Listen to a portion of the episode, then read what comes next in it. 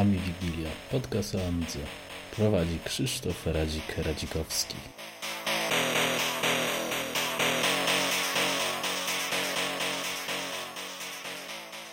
Witam w 25. Ami Wigilii.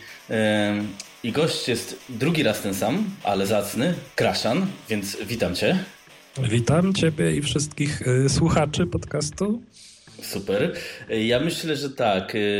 Owego czasu, to chyba będzie już dwa lata temu, y, podczas wywiadu z Kraszanem, y, wspomnieliśmy, że wypadałoby nagrać temat bitcoinów, z racji, że on jest tutaj przynajmniej amigowym ekspertem w zakresie bitcoinów. Ktoś pewnie coś słyszał, nie wszyscy i nie każdy wie o co chodzi. To może się dowiemy, czy warto.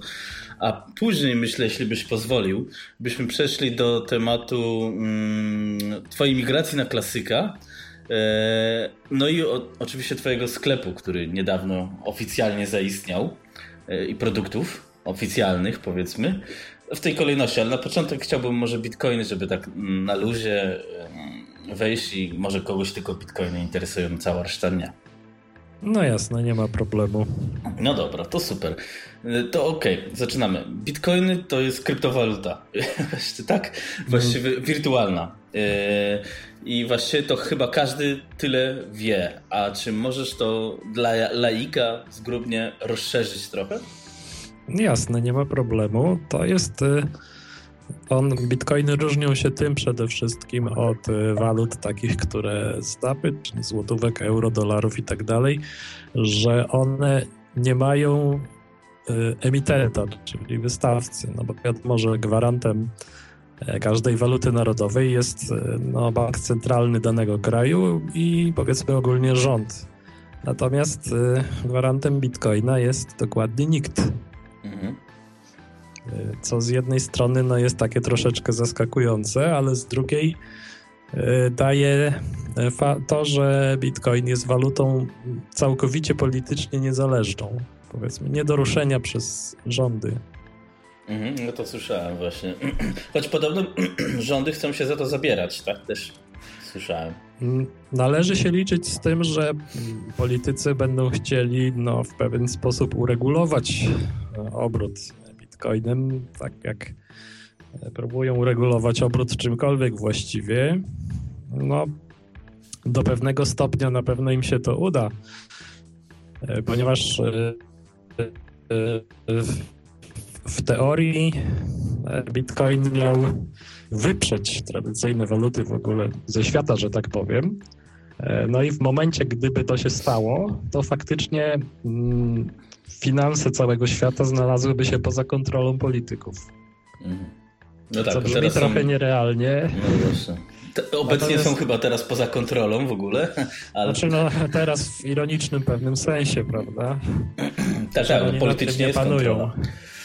Natomiast y, no, realia są takie, że no Bitcoin w w tej chwili działa i jeszcze pewnie przez wiele lat będzie działał równolegle z y, walutami tradycyjnymi, przy czym te waluty tradycyjne będą miały jednak naturalnie sporą przewagę nad Bitcoinem i na styku, tam gdzie następuje wymiana, tam y, ta polityczno-finansowa kontrola może być faktycznie skutecznie egzekwowana i y, no poniekąd trochę już jest egzekwowana.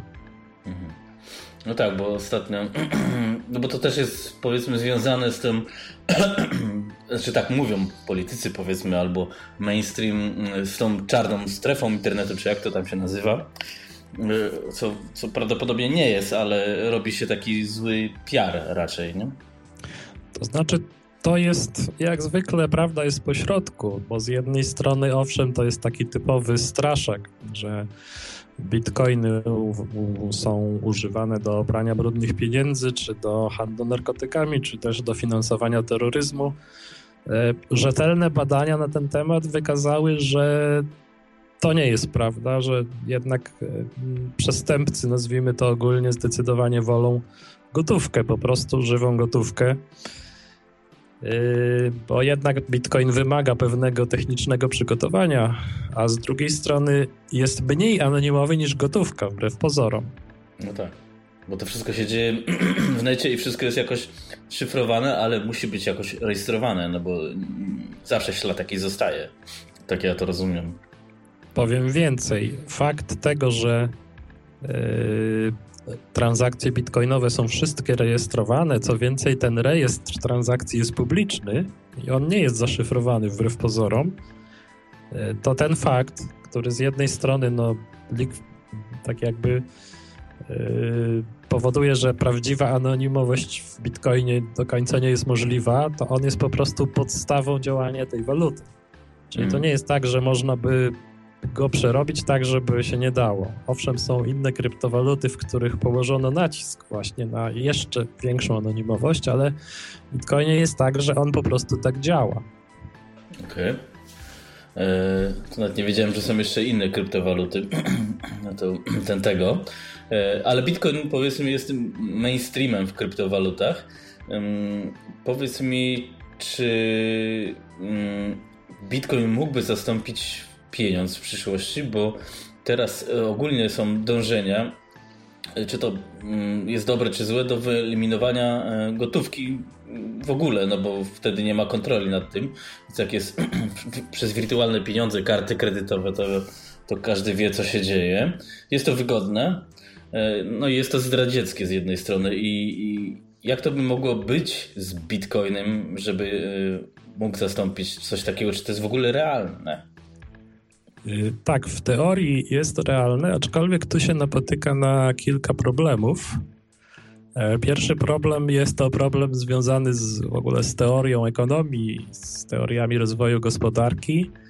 E, cechą bitcoina, jedną z takich odróżniających go zasadniczo od typowych walut, jest to, że jest on tak zwaną walutą deflacyjną, czyli z góry wiadomo, ile tych bitcoinów będzie. Mhm. Dokładnie 21 milionów i więcej nigdy nie będzie. Czyli nie ma możliwości, żeby jakiś bank czy rząd dodrukował sobie bitcoina. E, I niektórzy teoretycy ekonomii twierdzą, że po prostu aktualny model gospodarki nie będzie działał z walutą deflacyjną. Ja ci tutaj bym wszedł, chyba żeby to może, jak ja to rozumiem, może uzmysłowić, czyli to odpowiada temu, co powiedzmy było kupę lat temu standardu złota, że każda waluta miała pokrycie w złocie i nie można było sobie dodrukować tej waluty, tak? E, Mniej tak, więcej. dokładnie. Z tym, że w przypadku złota mieliśmy jeszcze tą sytuację, że tego złota można jeszcze więcej wykopać. Mhm. Bo tego złota na rynku jednak powoli, ale cały czas przybywa. Natomiast w przypadku bitcoina to jest sztywny limit. E, tych bitcoinów coraz mniej pojawia, tych nowych, świeżo wydrukowanych bitcoinów, nazwijmy to uproszczeniu, pojawia się na rynku coraz mniej.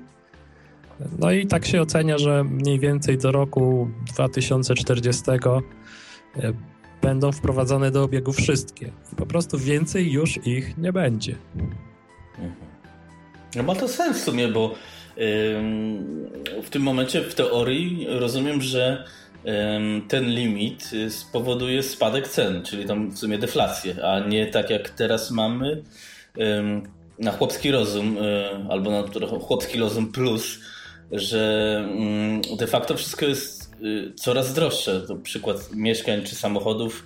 Y, załóżmy w cudzysłowie ten sam Golf kosztował 20 lat temu mm, jedną czwartą tego, co obecnie tej samej klasy samochód, nie? Tak, zgadza się, bo inflacja, która powstaje na skutek dodruku pieniądza przez, przez rząd czy przez bank centralny, jest w istocie tak naprawdę sposobem na odbieranie obywatelom ich oszczędności, które e, nominalnie, prawda, mają tę samą wartość, leży to w banku, nawet ma jakieś tam czasem pół procenta czy 2% oprocentowania, ale rzeczywista wartość e, tych oszczędności, wartość nabywcza wskutek inflacji maleje, czyli jest to transfer bogactwa od obywateli do powiedzmy rządu, czy też państwa ogólnie rzecz biorąc. Mm. Korporacji nawet. Bo teraz też, ale coś w tym jest. E, słuchaj, ale um, rozumiem wobec tego niechęć do bitcoina e, mainstreamu, no bo to jest, wiadomo, tracą kontrolę. Um, ale wiele osób, nie z mainstreamu oczywiście, bo teraz już mówimy bardziej o o takich y, powiedzmy wolnomyślicielach ekonomicznych mówi, że warto inwestować w złoto, czyli przerabiać swoje pieniądze na złoto. Twoim zdaniem, czy ten bitcoin może być alternatywą dla zwykłego Kowalskiego? Jeżeli chodzi o lokatę kapitału, mhm. jak najbardziej. Z tym, że ja tutaj nie odsyłam, że tak powiem, złota na śmietnik historii, ponieważ złoto ma tę, tę zaletę przede wszystkim, że ono dla każdego, w umyśle każdego człowieka jest taką lokatą, prawda? No tak. Mówimy złoto, yy, no i myślimy bogactwo. To jest takie naturalne, nawet dość powiedzmy pierwotne społeczeństwa, niecywilizowane, to złoto szanują jako, jako pieniądz po prostu. No natomiast Bitcoin jest takim czymś zupełnie ulotnym. Zrozumienie zasady jego działania wymaga no jednak pewnej wiedzy z informatyki czy nawet z kryptografii. Więc e, dla przeciętnego Kowalskiego to jest taki, wiesz, komputerowy magic, tak jak wiele, wiele, mm. wiele rzeczy, które komputery nam ale dają. powiem ci, że tak, yy, tu, tu się zgadzam, bo dużo moich znajomych yy, w moim wieku, czyli tam 35 plus, czy tam 40 minus powiedzmy, w ogóle nie wie, co to są komputery. To jest szok, bo studiowałem z tymi ludźmi, ale oni nawet już teraz nie używają w ogóle technologii. E, więc dla nich użycie bitcoina, no myślę, że jakbym im powiedział, weźcie tu, zainwestujcie, no to byłby ciężki szok. E, I złoto by sobie wyobrazili, ale ze złotem znaczy ja sobie to wyobrażam tak za to, że muszę jeździć z walizą złota, nie? E, no bo jak to kupię, no to muszę jakoś to posiadać. A bitcoina mogę posiadać w jakiejś tam, nie wiem, zaszyfrowanej chmurze. No jasne, to jest zaleta bitcoina w porównaniu do złota. To jest po prostu jego łatw łatwiejsz, łatwiejsze jego upłynnienie, wprowadzenie go w obieg. E, no bo złoto wiadomo, złoto waży, przechowywanie złota jest trudne, jest kosztowne, zwłaszcza jeżeli mamy go więcej. Jest ryzykowne, no bo wiadomo, złoto każdy złodziej ewentualnie chciałby ukraść, natomiast no, ukraść bitcoina też oczywiście można, ale nie jest to takie Y, proste. Y, z tym, że z drugiej strony Bitcoin no, jest produktem nowoczesnej cywilizacji i on ma wartość tylko w nowoczesnej cywilizacji. Y, przede wszystkim mm, Bitcoin zależy od istnienia internetu i jego działania. Mhm, no Nie ma Bitcoina bez internetu. Można jakieś tam teoretycznie sobie wyobrażać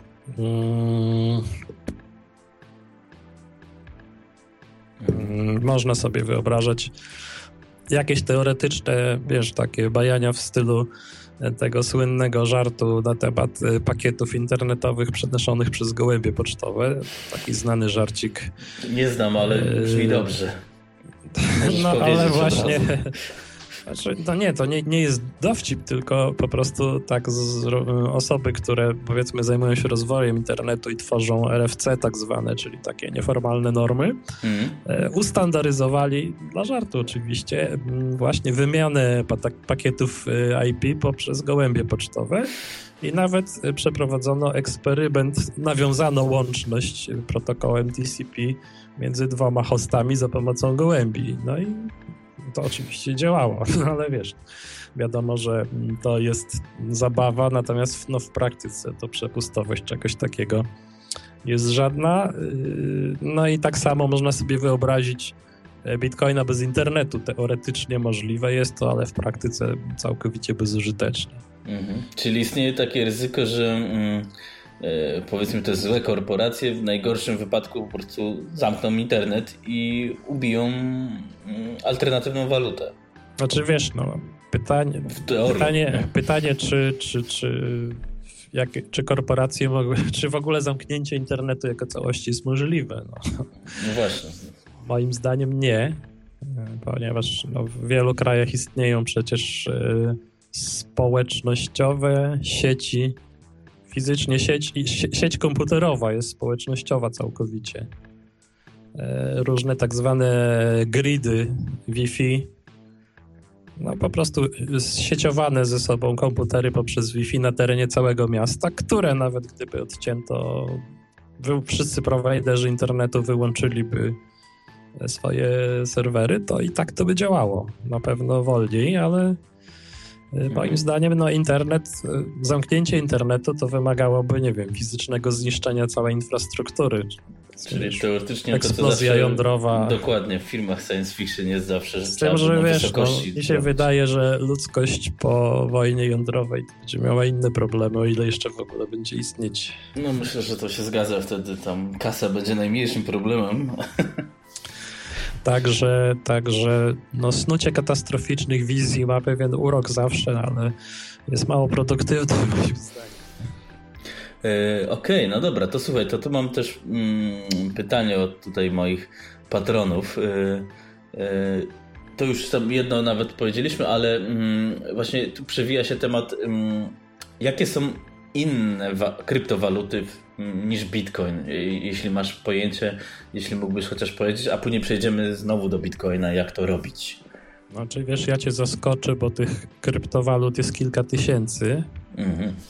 Z tym, że faktem jest, że oprócz bitcoina liczących się kryptowalut, jeżeli na przykład mówimy e, o tak zwanym market capie, czyli łącznej wartości wszystkich żetonów danej kryptowaluty będących w obiegu, no to jest ich kilka. No jest y, taka waluta Ethereum, czy Ethereum, nie wiem jakby to należało poprawnie wymówić po mhm. angielsku.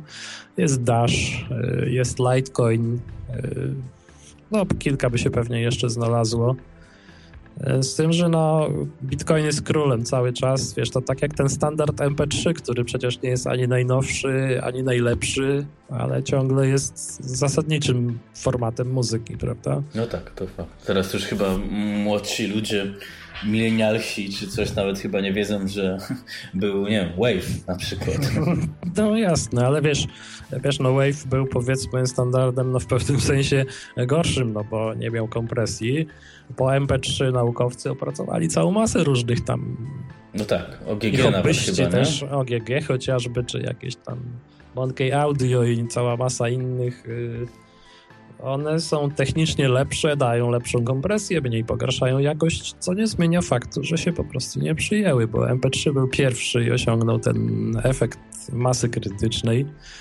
Tu podobnie przy Bitcoinie obserwujemy podobne zjawisko. Oczywiście no, zawsze może być tak, że pojawi się jednak coś, co e, tego Bitcoina zmiecie z powierzchni, no ale na razie nic na to nie wskazuje.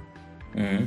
Znaczy, no, w sumie wiesz, w internecie teoretycznie. Mm, Google też nie wyobrażamy sobie życia bez ich usług, czy chociaż wyszukiwarki, a, a kiedyś sobie nie wyobrażaliśmy, nie wiem, przez Asta La Vista było chyba, czy coś takiego, nie? No więc wszystko się może zmienić. Aczkolwiek jednak y, myślę, że warto się chociaż na tym skupić. Y, zanim przejdziemy do tworzenia bitcoinów czy pozyskiwania, mm, powiedz mi, gdzie można je wydać w ogóle? No bo ktoś jeśli ma, no to może by chciał coś za nie coś kupić.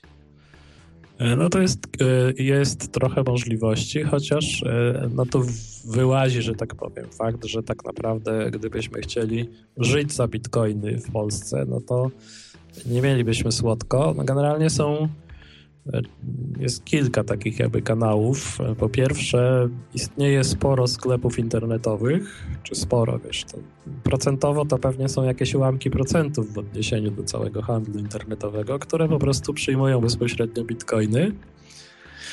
Yy, można też, no wiesz, no można je po prostu sprzedać na giełdzie, no z tym, że już wtedy później kupujemy ze złotówki, więc to trudno to uznać kupowaniem za bitcoiny. Yy, można też yy, skorzystać z usług takich tak zwanych operatorów, którzy pozwalają na przykład bitcoinami opłacić yy, dowolny rachunek bankowy, przelew bankowy. Oczywiście już ten przelew wykonywany jest w innej walucie, oni to po prostu zamieniają w locie. Mhm. Wpłacasz bitcoiny i podajesz adresata przelewu, tytuł przelewu i to leci już później w złotówkach czy w innych. No ewentualnie jeszcze jest taka ciekawa inicjatywa, ona się powoli rozwija. E, nazywa się to Open Bazaar. To jest taki rozproszony sklep internetowy w chmurze. Mhm. Po prostu jak chcesz być handlowcem, stawiasz sobie serwer tego sklepu. E, że tak powiem, lista towarów jest wymieniana protokołem podobnym do torrenta, P2P tak zwane. Okej. Okay. Czyli to jest taka jakby sieć, wielka sieć sklepów internetowych, której też nie da się wyłączyć, bo tam nie ma żadnego centralnego serwera. E, no i naturalną walutą w tym, w tym Open Bazarze jest właśnie Bitcoin. Ja nawet kupiłem parę rzeczy przez Open Bazar. No i to jest też, to się rozwija, to jest, ma, ma to duży potencjał. No jak to z nowymi technologiami w świecie IT było to troszeczkę toporne w obsłudze, miało różne takie wady wieku dziecięcego, no ale ekipa wciąż pracuje nad tym. Y, ale tam tylko możesz za pomocą bitcoinów kupować, tak? Czy też... Tak, tak, ponieważ y, fakt, że bitcoin jest no, kryptowalutą jest zasadniczym elementem koncepcji tego sklepu, tego mhm. Open Bazaru. Więc tam się nie da płacić nawet złotówkami, dolarami czy czymśkolwiek. Okej. Okay. Czyli naturalnie teraz ktoś się tym zainteresował, a brzmi to interesująco, musi mm, mm, posiadać bitcoiny, więc mm, powiedz nam, jak można je. No załóżmy, że chcę mm, w to wejść. Chcę sobie e, część pieniędzy, na przykład mam, nie, załóżmy 10 tysięcy złotych, chcę sobie e, przerzucić to na bitcoiny. E, rozumiem, że wartość bitcoinu będzie różna, bo jak wiem, ta waluta ma różne też, nawet niekiedy chyba mocne wahnięcia kursu. No ale jak to mam fizycznie zrobić? Mam złotówki, chcę zrobić z tego bitcoiny, a później może przejdziemy jakie, nie wiem, wykopać, bo kiedyś się kopało bitcoiny, nie? I nadal się kopie, no ale to może później, tak jak zaznaczyłeś. E, najprostszą metodą no, wejścia w posiadanie bitcoiny jest po prostu ich kupienie. W polskich warunkach można to zrobić na kilka sposobów. E, można skorzystać właśnie z e, jednego z tych operatorów. Ja to może nie będę operował jakimiś konkretnymi adresami www czy nazwami firm, bo e, nie chcę jakiejś takiej robić reklamy, powiedzmy, że akurat tego operatora czy innego, mhm. ale są operatorzy, polscy operatorzy, ale nie tylko oczywiście. To którzy... Może chociaż powiedz, jak tego szukać w internecie wobec operator Bitcoin? Hmm, to znaczy, wiesz, no wiesz, najlepiej to po prostu wejść na forum i pogadać. Jest e, forum bitcoin.pl, Okay. Największa polska społeczność Bitcoina. No i tam przede wszystkim w ogóle jest taka strona bitcoin.pl, na której jest cała masa różnych poradników dla początkujących, yy, ostrzeżeń, bo to też jest istotne. No tutaj można się łatwo, że tak powiem, naciąć, nie znając E, nie znając zasady działania, czy pewnych nawet mechanizmów no, oszustwa, bo jak w każdym świecie, także tu pojawiają się różni tacy, wiesz, wydrwi grosze, którzy żerują na początkujących. Mhm. E, no i tam się można właśnie no, dowiedzieć takich podstaw. Na forum też zapytać po prostu o, o to czy tamto. Mm, no a wracając, bo tak odpłynęliśmy troszeczkę do tego, skąd te bitcoiny można wziąć, e, no to właśnie znaleźć takich operatorów, no takim, może tutaj podam jedną nazwę, bo to taki bardzo znany w Polsce jest taka firma inpay.pl. Okay, zaraz sobie tutaj I... otworzę, żeby dodać później. Tak, i tam właśnie w obie strony można wymienić. E, z tym, że tutaj właśnie też pojawia się ten problem, o którym mówiłem, czyli chęć kontroli rządów y, nad Bitcoinem powoduje, że w przypadku większych sum, no to niestety musisz tam podać swoje dane osobowe. Mhm.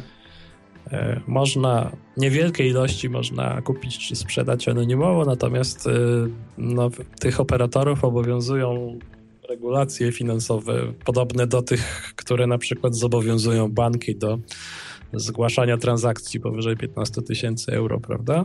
Mhm. Mamy okay. takie regulacje i tutaj też mamy takie regulacje, więc trzeba się liczyć z tym, że chcąc kupić większą ilość bitcoinów, będziemy musieli no, przedstawić się tak, jak musimy to zrobić, powiedzmy, w banku, zakładając konto. Y, podobnie jest na giełdzie, bo można też kupić, jest kilka giełd w Polsce bitcoinowych, też można tam kupić, sprzedać. Z tym, że też y, jest wymagana z reguły weryfikacja, czyli podanie danych osobowych. Mhm. Y, no I dobra, to... no, ale no, trzeba z tym żyć. No. Tak, no nie, no to wynika po prostu z, to powiedzmy, nacisku władz, mówiąc krótko. Czy powiedzmy aparatu skarbowego.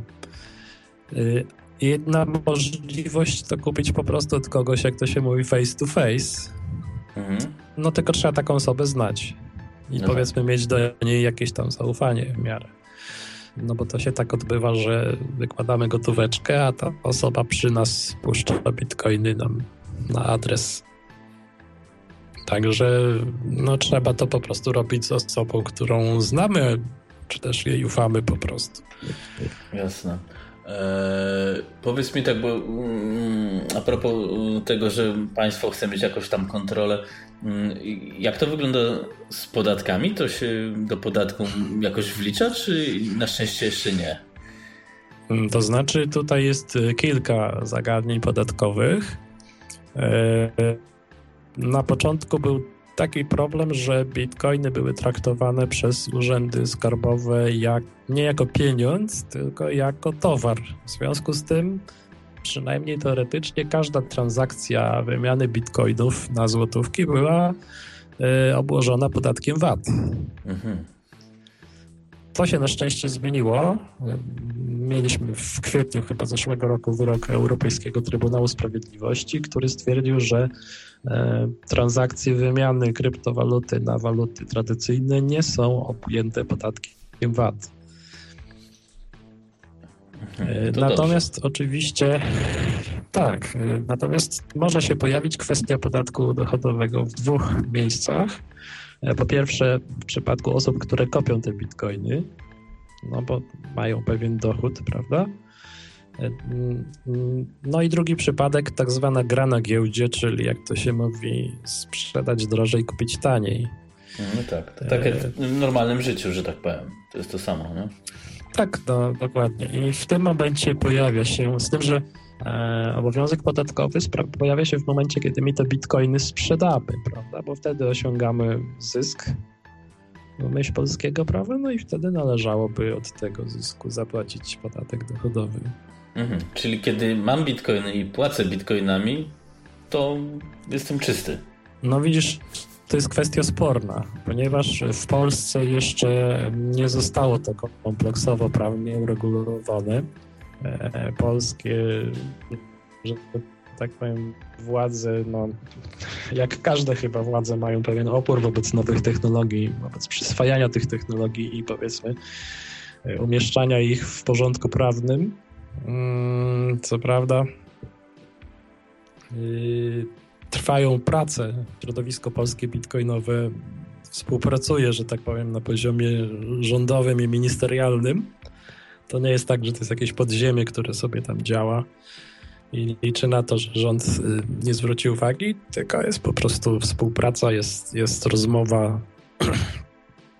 Mm, także to prawo nowe, które będzie powstawać, powstaje przy współudziale entuzjastów i, i społeczności. No ale na razie jeszcze nie powstało w pełni. No i to są sprawy takie, no, dyskusyjny niestety, jak to zresztą polski system podatkowy ma to do siebie, że wiele jest takich miejsc niejednoznacznych. Mhm, no, tak. No i tutaj jest to różnie. No teoretycznie jest tak, że jeżeli coś kupimy za bitcoiny, no to jest to też jakiś dochód. No bo no tak jak on powstaje w innym momencie, bo jeżeli na przykład dostajemy wypłatę, i później idziemy do sklepu i coś kupujemy, no to ten podatek zapłaciliśmy w momencie, jak dostaliśmy wypłatę. No i jak coś kupiliśmy też generalnie. Bo znaczy, jak, to tak, ale to jest VAT, nie? To, to A, okay, oddzielmy to. Natomiast e, w momencie, gdy ktoś nam na przykład zapłacił za robotę w bitcoinach, no to my nie płacimy wtedy żadnego podatku w tym momencie. Natomiast kiedy my te bitcoiny e, w sklepie jakimś kupujemy coś za nie, no to, no to wtedy ten obowiązek powinien e, powstać. Zwłaszcza, że najczęściej jest tak, że firmy czy też sklepy przyjmujące bitcoina, one też korzystają z usług operatora, który od razu im to w locie zamienia na złotówki, czyli firma otrzymuje zysk w złotówkach. Mhm. No i teoretycy prawa podatkowego mówią, że w tym momencie, kiedy następuje ta zamiana na złotówki, no to my tak jakby te bitcoiny sprzedaliśmy i w tym momencie osiągnęliśmy ten nasz zysk, od którego należałoby zapłacić podatek dochodowy. No wiesz, ja tu się nie chcę stawiać w roli jakiegoś eksperta podatkowego, żeby było jasne. Nie, no jasne, to jest... Więc ja mogę nie mieć racji w tym, co mówię. A przynajmniej wiemy, że to nie jest takie proste. O. No nie jest. Znaczy wiesz, no, w praktyce jest różnie, no bo dobrze wiemy, że w spłacaniu podatków ogólnie w praktyce bywa różnie. No to, to, już, to już pomińmy. No i na tym możemy zakończyć Dokładnie. ten kierunek Nie będziemy dyskusji. wnikali. E, słuchaj, e, zanim może przejdziemy do twojego sklepu, który teraz otworzyłeś niedawno, czy tam u ciebie można płacić bitcoinami? No właśnie, tutaj może wyjaśnijmy pewną rzecz. Ja nie mam sklepu. Aha. Bo taka legenda poszła, że masz. Nie, nie, nie. To znaczy. To rozumiem, że zamykamy już, czy tak powiem. Nie, nie, nie, to, to, to może później. Wiesz co? Yy, to teraz może jak już wiemy, jak pozyskać bitcoiny. Yy, w sensie yy, można tutaj się zaopatrzyć tam. Owego czasu, nie wiem, to było pewnie z 5-10 lat temu, kupa osób kopało te bitcoiny, czyli wydobywało. Z tego co wiem teraz, to już podobno się raczej nie bardzo opłaca, albo przynajmniej trzeba mieć więcej, więcej trzeba wsadzić w komputery prąd, żeby to wykopać, niż się zyskuje. Jak to wygląda wobec tego? Yy, tak, to na początku to kopanie bitcoinów po prostu robiło się za pomocą komputera. Jest to proces, który no, z jednej strony wymaga dużej mocy obliczeniowej, a z drugiej strony mm, jest to proces zyskowny, ponieważ Bitcoin działa w ten sposób, że co 10 minut średnio następuje tak zwane wykopanie bloku. To jest po prostu złożona operacja obliczeniowa. Coś takiego jak znany trochę w amigowym kręgu ten konkurs, ten RC5, tak, OGR, tak, tak, tak. kojarzysz to się pewnie. złożyło z PowerPC procesorami. Tak, tak, tak, to jest mniej więcej podobna, podobna w charakterze operacja obliczeniowa, z tym, że ten, kto wykopuje blok, otrzymuje w tej chwili 12,5 bitcoina. To, jest, to, jest, to są poważne pieniądze. No bo w, no w tej chwili mam tu nawet otwarte notowania giełdowe. Jeden bitcoin to jest 1320 dolarów. O, to teraz No to jak sobie to pomnożymy przez 12,5, no to jest, jest to kasa. W związku z tym, no wiesz, jeżeli z jednej strony mamy kasę, a z drugiej komputery, no to następuje specjalizacja tego sprzętu. Także kopacze dość szybko z procesorów przenieśli się na karty graficzne. Na cuda, tak, tak? Tak, dokładnie. Wręcz można było powiedzieć, można stwierdzić, że kopacze Bitcoina w znacznym stopniu nakręcili rynek kart graficznych, czego gracze nawet nie są świadomi do końca. No bo to się kupowało te karty po prostu całymi kartonami. 10, 20, 40 E, najczęściej było tak, że po prostu kupowało się płyty główne, które miały dużo slotów, podłączało się do jednego komputera 5 albo 6 grafik okay. naraz, no i to zasuwało. E, z tym, że następnym etapem rozwoju były układy FPGA, które my na przykład znamy z Vampire, chociażby z karty Vampire, prawda? Dokładnie. E, które były szybsze, bo po prostu tam się już wypalało w nich konkretnie tylko ten algorytm kopania i nic więcej. E, w tej chwili to już są układy e, ASIC, czyli to są układy robione w fabrykach już w krzemie na zlecenie. To hmm. kosztuje hmm. chore pieniądze, ale przy takich zyskach, no to, no to tak to właśnie wygląda. I to są tak zwane koparki, czyli specjalizowane maszyny nie są to już komputery w zasadzie, e, które służą tylko i wyłącznie do kopania bitcoinów. Oczywiście to się bardzo scentralizowało w tej chwili, yy, ponieważ no, są po prostu duże firmy, które mają tych koparek dziesiątki tysięcy. I to są najczęściej firmy chińskie, ponieważ oni tam mają dostęp do bardzo taniego prądu bo to jest mhm. bardzo istotny czynnik. To zużywa nieprawdopodobnej ilości mocy. Yy, no i w zasadzie teraz taki jakiś jeden kopacz z komputerem to w ogóle, wiesz, jest, nie ma żadnych szans, bo on będzie miał nie tak ma sensu moc. próbować nawet. Tak, nie tak. ma nawet sensu próbować. Yy, pewną możliwością jest kopanie tych różnych walut alternatywnych, altcoinów tak zwanych, mhm. Ponieważ no tam z jednej strony jest y, mniej wyśrubowane są te wymagania obliczeniowe, a z drugiej też y, twórcy tychże altcoinów y, dążąc do, tak jakby broniąc się przed centralizacją wykopywania, tworzyli algorytmy, które się ciężko umieszczają w tych układach ASIC, które wymagają na przykład bardzo dużo RAMu. Mhm. I w tym momencie karty graficzne, no teraz wiesz, miewają tam po 2, 4 czy 8 gigabajtów nawet pamięci graficznej, no to są w sumie najlepszym w tej chwili środkiem do kopania tego i nie da się tego przenieść na ten wyższy szczebelek, czyli FPGA. Mhm. Z tym, że te altcoiny, no to wiadomo, tam dziś są, jutro ich nie ma, także to jest takie troszeczkę, wiesz, zabawa dla studentów, nazwijmy to w ten sposób. Okej. Okay. Słynne przesuwanie ikonek w amigowym świecie.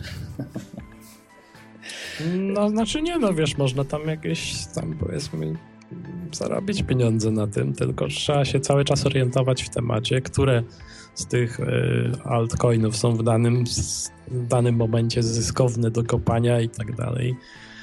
Trzeba po prostu siedzieć, śledzić to na bieżąco. Okej. Okay. No dobra, czyli a możesz powiedzieć chociaż w dwóch zdaniach, na czym polega fizycznie to kopanie bitcoinów? No bo wiesz, no, większość ludzi nie, nie wie o co kaman, jak, jak to działa, nie wiem. No ale to wygląda tak, że tak zwany blok bitcoina to jest po prostu plik danych, w których są zawarte transakcje bitcoinowe, jakie ostatnich 10 minutach miały miejsce, ponieważ e, każda transakcja, w momencie kiedy ja wysyłam kasę komuś na przykład, mhm. jest rozgłaszana w sieci, bo bitcoiny to też jest sieć P2P, tak jak torrent na przykład, coś w tym rodzaju. Nie ma jakiegoś centralnego serwera, tylko jest ileś tam tysięcy węzłów na świecie, czy milionów i jeżeli ja wysyłam bitcoiny komuś, no to ten fakt zostaje rozgłoszony po całej sieci i ta moja transakcja zostaje dołączona do bloku. Mm, I ten blok ma jakąś tam sumę kontrolną, nazwijmy to, można ją policzyć. Okay.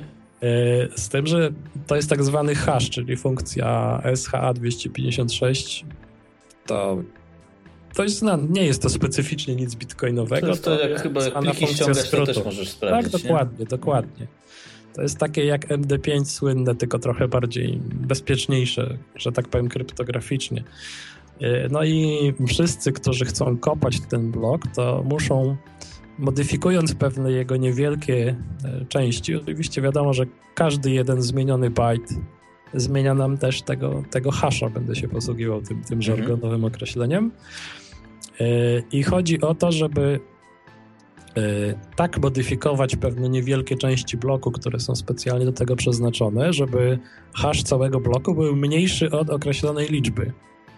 No to się robi metodą siłową, czyli trzeba po prostu próbować bardzo szybko kolejne kombinacje i wykryć ten fakt, kiedy ten hash znaleziony jest mniejszy od tej określonej liczby. E, w momencie, kiedy znajdujemy to, to wtedy szybko rozgłaszamy ten fakt w sieci, no i ten blok jest nasz. My dostajemy wtedy za niego e, okay. te, tą premię i no i później on jest, wiesz, ta suma kontrolna jest umieszczana z kolei w następnym bloku, czyli te bloki tworzą taki jakby łańcuch. Mhm. E, I ponieważ te sumy kontrolne właśnie zabezpieczają się wzajemnie, to nikt nie jest w stanie zmodyfikować wstecznie tego, tego łańcucha, bo wtedy wszystkie sumy kontrolne się posypią. Okay. Musiałby je znaleźć tak jakby jeszcze raz, czyli musiałby ktoś dysponować mocą obliczeniową większą niż cała reszta sieci. Musiałby, musiałby być taki, można nazwać to reverse engineering, tak? W tym tak, momencie. dokładnie. Mhm. Także to jest oczywiście nie znaczy teoretycznie jest to możliwe, gdzieś tam wiesz po cichaczu jakieś tam w lochach e, miliardy koparek e, ukryta elektrownia atomowa zasilająca to wszystko, no ale to zejdźmy na ziemię z powrotem, także e, w ten sposób właśnie te komputery, które kopią, to one tak jakby kryptograficznie zabezpieczają łańcuch bloków Bitcoina, który jest spisem wszystkich transakcji, jakie miały miejsce, wszystkich dosłownie wszystkich, e, przed wsteczną modyfikacją. A ponieważ jest to rejestr publiczny, i on nie jest zaszyfrowany, tylko jest zabezpieczony samą kontrolną, to każdy węzeł Bitcoina może sprawdzić każdą transakcję, która miała miejsce w przeszłości. Czyli na tym to polega ta zagadka, że y, nikt do nikogo w tej sieci nie musi mieć zaufania, bo jeżeli mamy system tradycyjny, czyli bank i konta, to my musimy mieć zaufanie do banku, że on będzie nam utrzymywał stany tych kont, prawda? Że nie będzie jakichś wałków, że nagle coś się komuś gdzieś przelało. Musimy mhm. mieć zaufanie. Natomiast w Bitcoinie, ponieważ ten wykaz transakcji jest e, po pierwsze publiczny, po drugie zabezpieczony przed wsteczną modyfikacją, to nikt nikomu nie musi ufać. Bo każdy w każdej chwili może sprawdzić. Jeżeli ja twierdzę, że ty mi wysłałeś jednego bitcoina, a ty mówisz, no sorry gościu, ale ja ci nic nie wysyłałem, mhm. No to po prostu sprawdzamy. Każdy z tysięcy węzłów sprawdza to w łańcuchu. No i widać, że wysłałeś mi. Nie możesz ściemnić, że nie wysłałeś, bo to jest w bloku.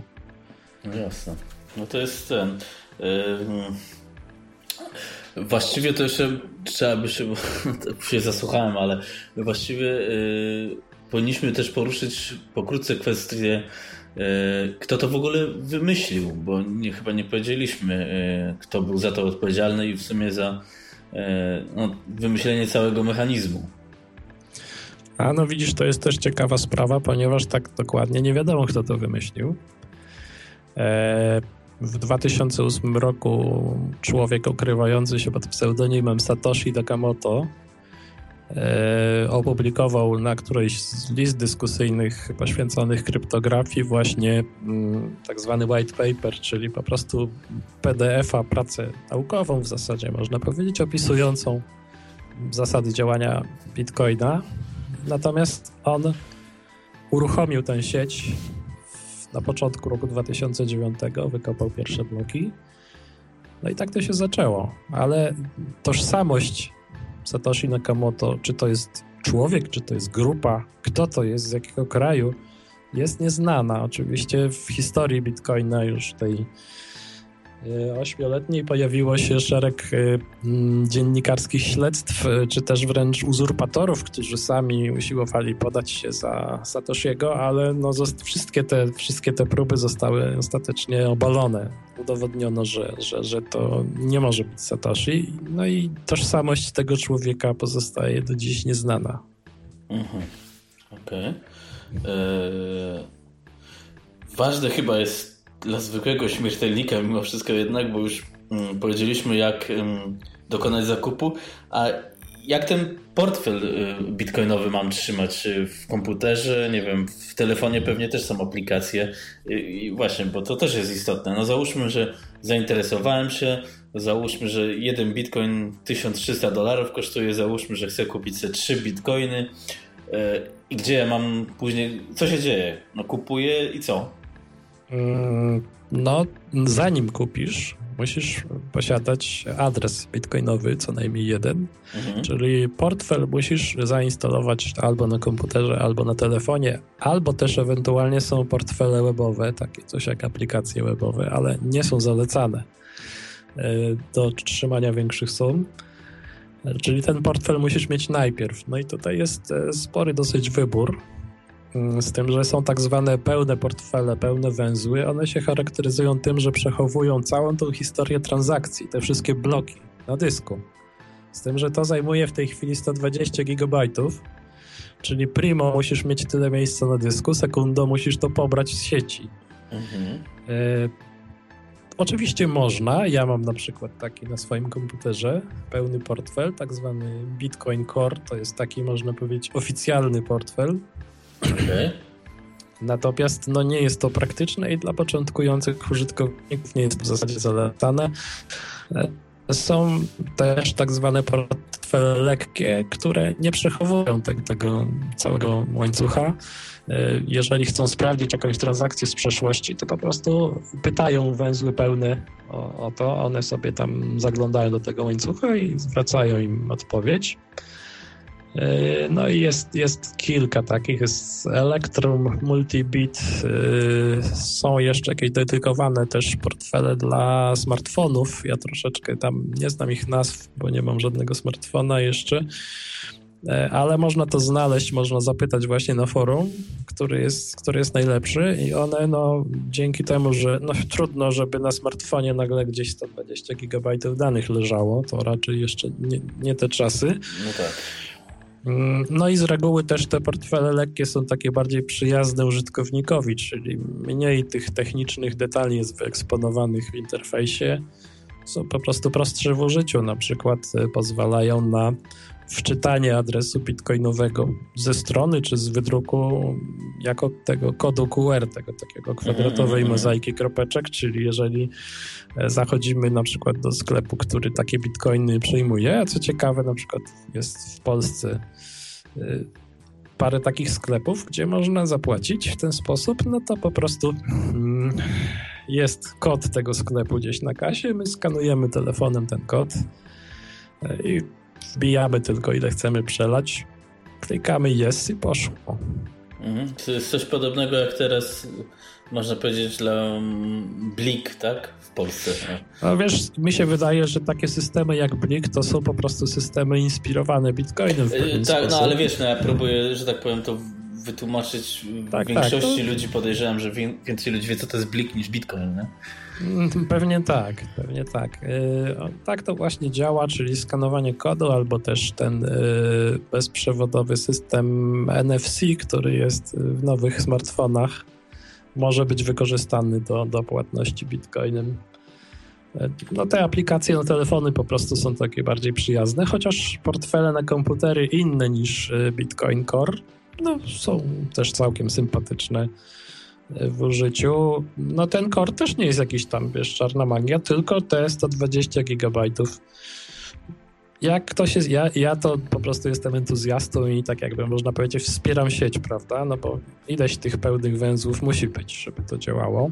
Okej. Okay.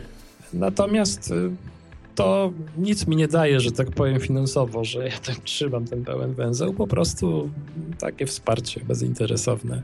Okej, okay, rozumiem.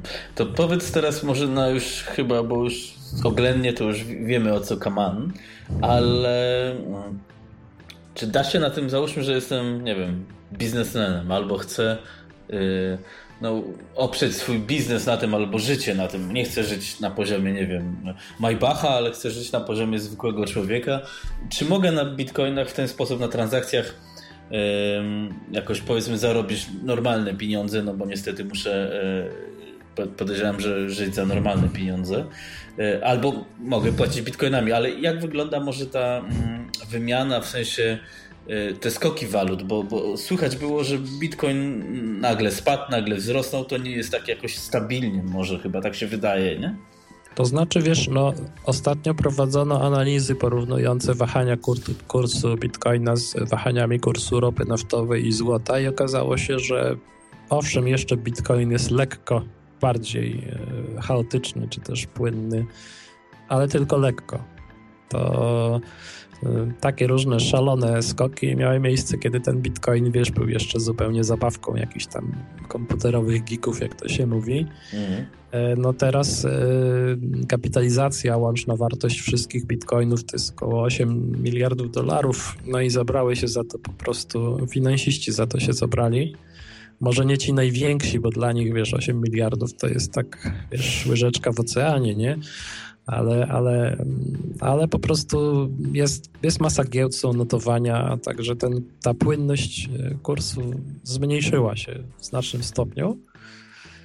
A jak można zarabiać? No wiesz, to po prostu jest gra na giełdzie. Tak jak gra akcjami, czy gra innymi aktywami. No i jak się zapewne domyślasz, no jest ryzyko. Jest ryzyko, że można po prostu no, przegrać. Mhm. Także... Ale podejrzewam, że jest chyba trochę łatwiej, no bo y, tu masz do opanowania tą kryptowalutę, a na giełdzie jeśli gramy, to powiedzmy, że masz więcej spółek, musisz ogarniać y, no, dużo tematów naraz, nie? Tak, no, no mi się wydaje, że jest łatwiej, bo ja też bawię się w to trochę.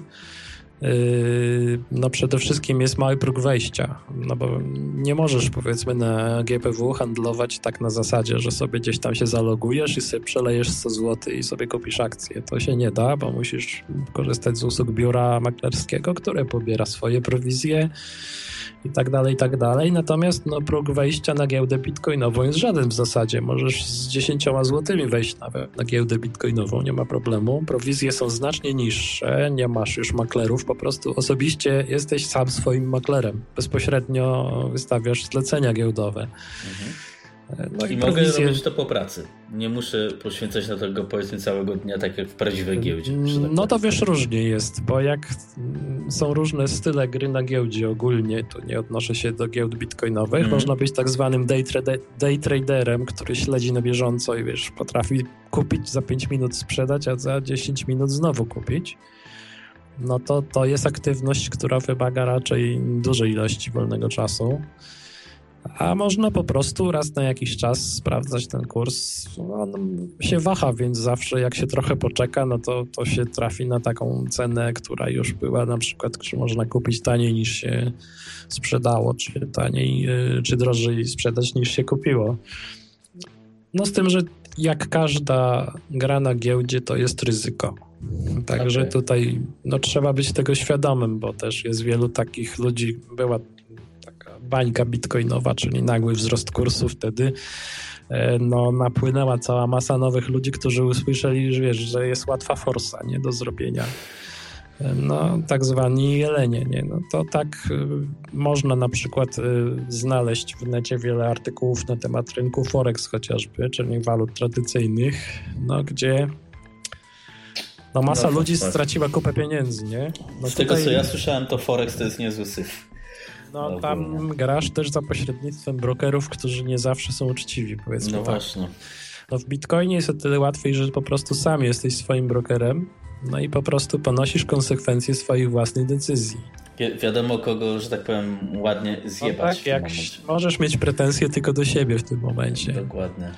Eee, słuchaj, no to tak naturalnie bym się zapytał wobec tego, no bo jest ciekawe, tak jak mówiłem, mam 10 tysięcy złotych, eee, ale dobra, faktycznie jaka, z, jaką kwotą uważasz jest sensownie wejść i ewentualnie czego się zaczepić? Czy y, zobaczyć notowania z ostatniego roku, żeby zobaczyć mm, kiedy warto kupić, wiesz, takie ostatnie może pytanie jako taka baza jak zacząć i przejdziemy już do bardziej amigowych klimatów. Znaczy wiesz, tutaj od razu no, to będą takie moje prywatne powiedzmy rady. Ja jestem średnio, że tak powiem, skutecznym traderem, ale na plusie i to dość ładnie na plusie.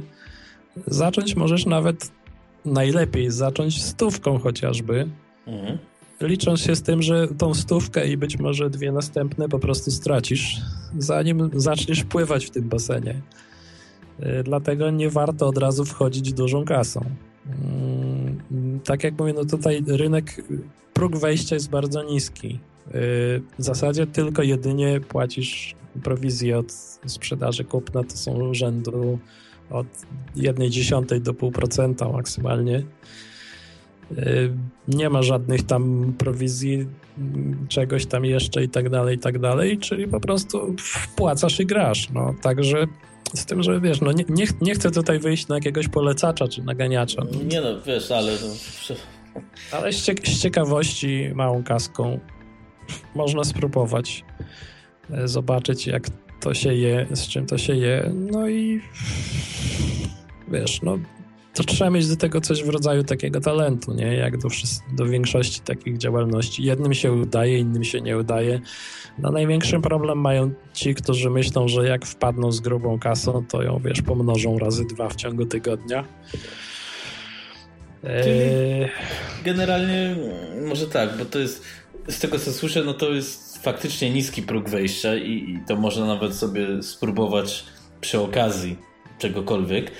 A z tego, co ty też mówisz o tej grubej kasie, to jest też pewnie tak jak y, na giełdzie. Albo spekulujemy, albo po prostu inwestujemy powiedzmy długofalowo. No tam na giełdzie to pewnie jest 10 lat, żeby mieć zysk, bo wtedy będziesz miał prawdopodobnie zawsze zysk, a, a, a, nie, a nie bawimy się w spekulacje. No, no. Dla znaczy, wiesz, no, śmiertelnika. E, tak zwana inwestycja długoterminowa w bitcoina jest o tyle mało ryzykowna, że prosta matematyka mówi nam, że jeżeli bitcoin będzie miał coraz większe, że tak powiem, ilości pieniędzy będą w niego inwestowane, będzie stanowił coraz większą część światowej gospodarki, no to ponieważ ilość tych bitcoinów jest ograniczona, a mają w, w domniemaniu przejąć coraz większą, coraz większy obrót, no to kurs musi rosnąć. To jest prosta, brutalna matematyka. Mhm. E, oczywiście to nie jest tak, że on rośnie cały czas liniowo, są wzloty i upadki. Poza tym, no wiesz, to jest takie założenie pozytywne, że ten bitcoin nie zniknie, tylko będzie się cały czas rozwijał, które nie do końca musi być prawdziwe. No ale generalnie trend bitcoina długoterminowy jest cały czas w górę, czyli e, to ryzyko mm, długoterminowej inwestycji jest mniejsze niż w przypadku na przykład giełdy. Mm, rozumiem. No, bo to podejrzewam, że wystarczy sobie ściągnąć, nie wiem, ostatnie 2-3 lata kursów i zrobić linię trendu, albo pewnie już to jest tak, to w wiesz, internecie i to no wszystko no wiadomo, wychodzi. wiadomo, że jeżeli chce się skutecznie grać, y, to warto też y, no, coś wiedzieć o tej tak zwanej analizie technicznej kursu, y, analizie fundamentalnej, czyli też zapoznać się z tym, co się dzieje w społeczności Bitcoina, jakie tam są trendy rozwojowe i tak dalej. Więc jak na każdej giełdzie, żeby osiągać zyski, to trzeba po prostu się popracować. Mhm. To nie jest tak, że to pieniądze spadają z nieba. No jasne. No ale brzmi to, powiem, zachęcająco i nie brzmi to tak, wiesz, teraz ja mam przynajmniej też większe pojęcie i nie brzmi to tak magicznie i strasznie jak, jak powiedzmy godzinę wcześniej. Więc mm, może nawet sam kiedyś spróbuję, albo nawet niedługo. A czemu nie? Mm, bardziej, że próg wejścia, jak mówisz, nie jest straszny, więc mieć 500 zł, a nie mieć, no to jest 1000, ale w sumie to nie jest też dramat jakiś. E, ja myślę, że z tych bitcoinów to chyba bym wszystko e, miał. Mm, chciałbyś coś dodać, bo ja tutaj się nie czuję bynajmniej ekspertem, więc nie znaczy, wiem. Wiesz, moglibyśmy drążyć stronę techniczną, ale z drugiej strony to mogłoby tak troszeczkę nie do każdego trafiać, bo jednak y, do korzystania z Bitcoina dogłębna znajomość tej, tej, tej zasady jego działania, tej sfery technicznej nie jest zawsze potrzebna. Zawsze można się też wspomóc wiedzą kolegów z forum na przykład w razie jakichś tam problemów, no bo problemy jak wszędzie się czasami zdarzają. Najczęściej wynikają z braku wiedzy, no ale jest różnie. To, ale myślę, że nie ma sensu tego od strony technicznej jakoś tutaj drążyć w takim skierowanym mm. do.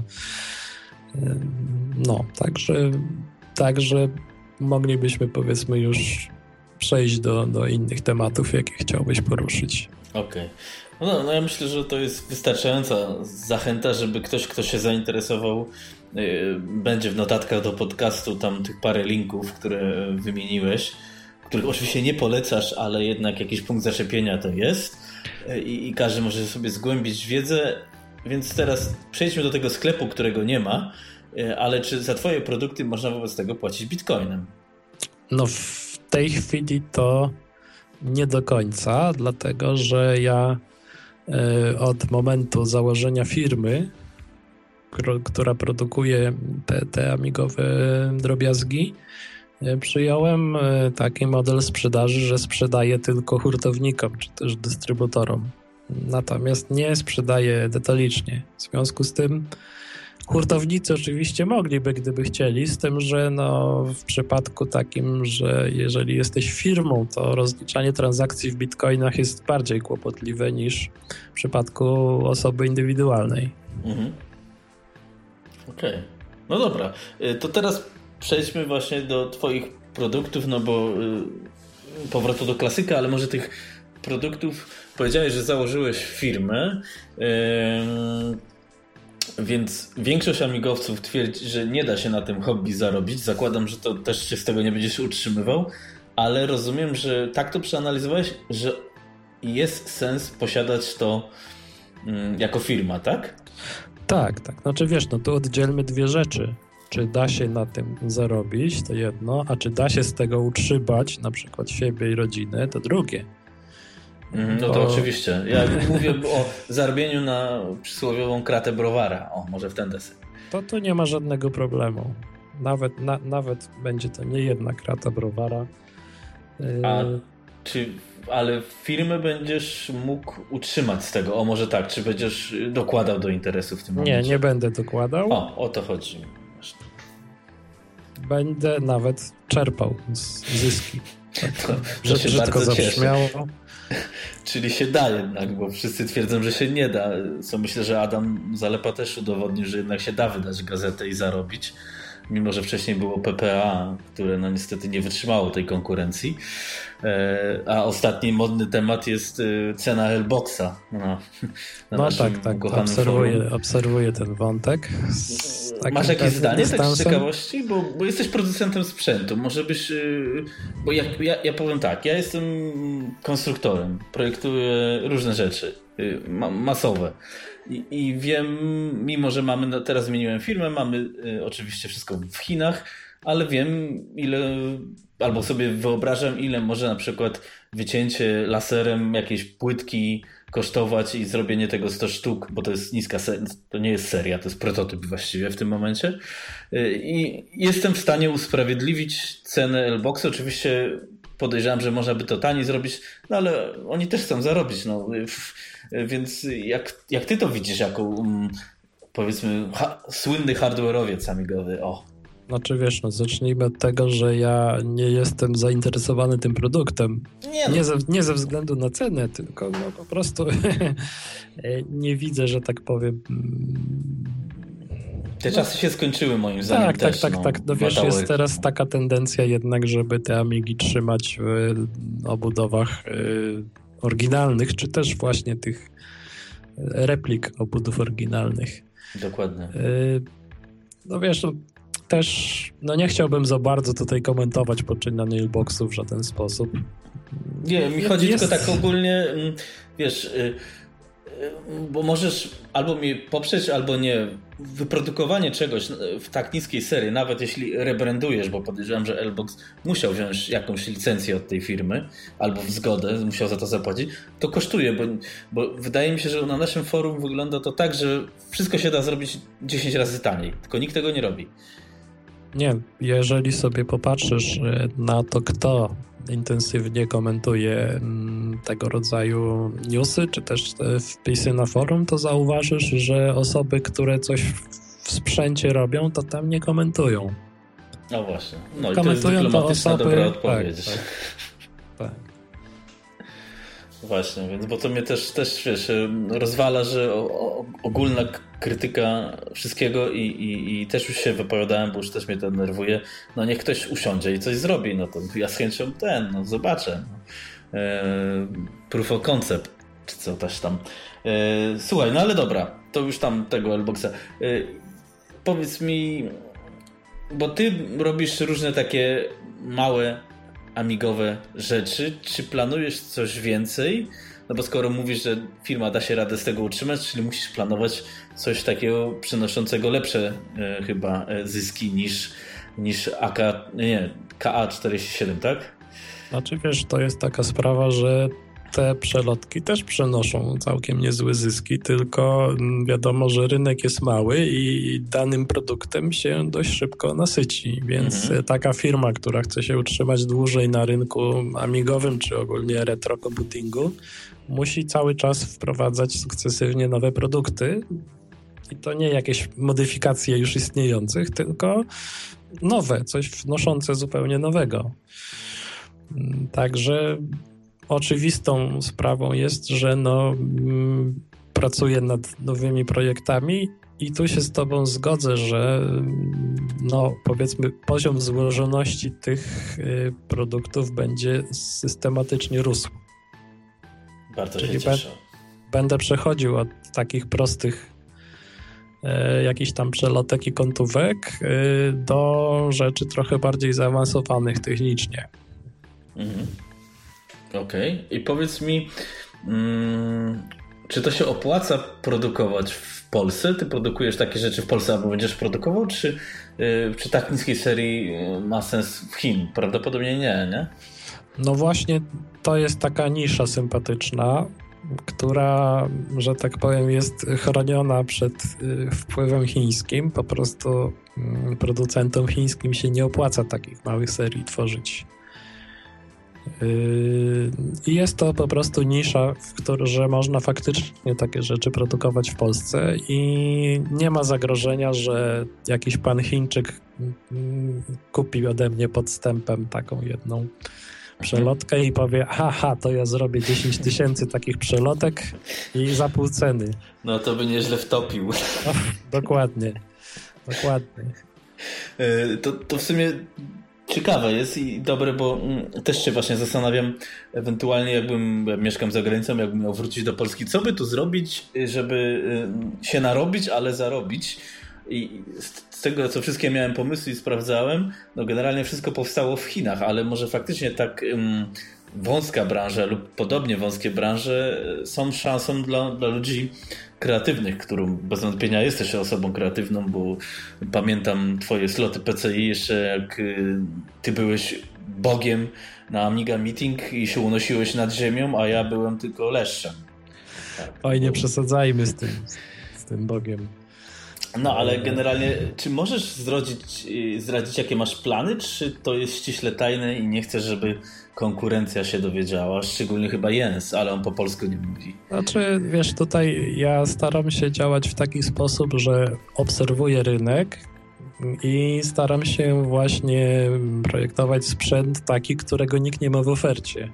Mhm. E, żeby powiedzmy unikać niepotrzebnych zderzeń z konkurencją polską chociażby też. Zresztą większość mojej tak zwanej konkurencji to są moi internetowi, czy nawet z, z Reala znajomi i tutaj nie prowadzimy jakichś tam takich, e, no bo sam powiedz, wyobraźmy sobie hipotetycznie taką sytuację, że zrobiłem trzeci już chyba, czy czwarty na rynku interfejs do myszek USB, prawda?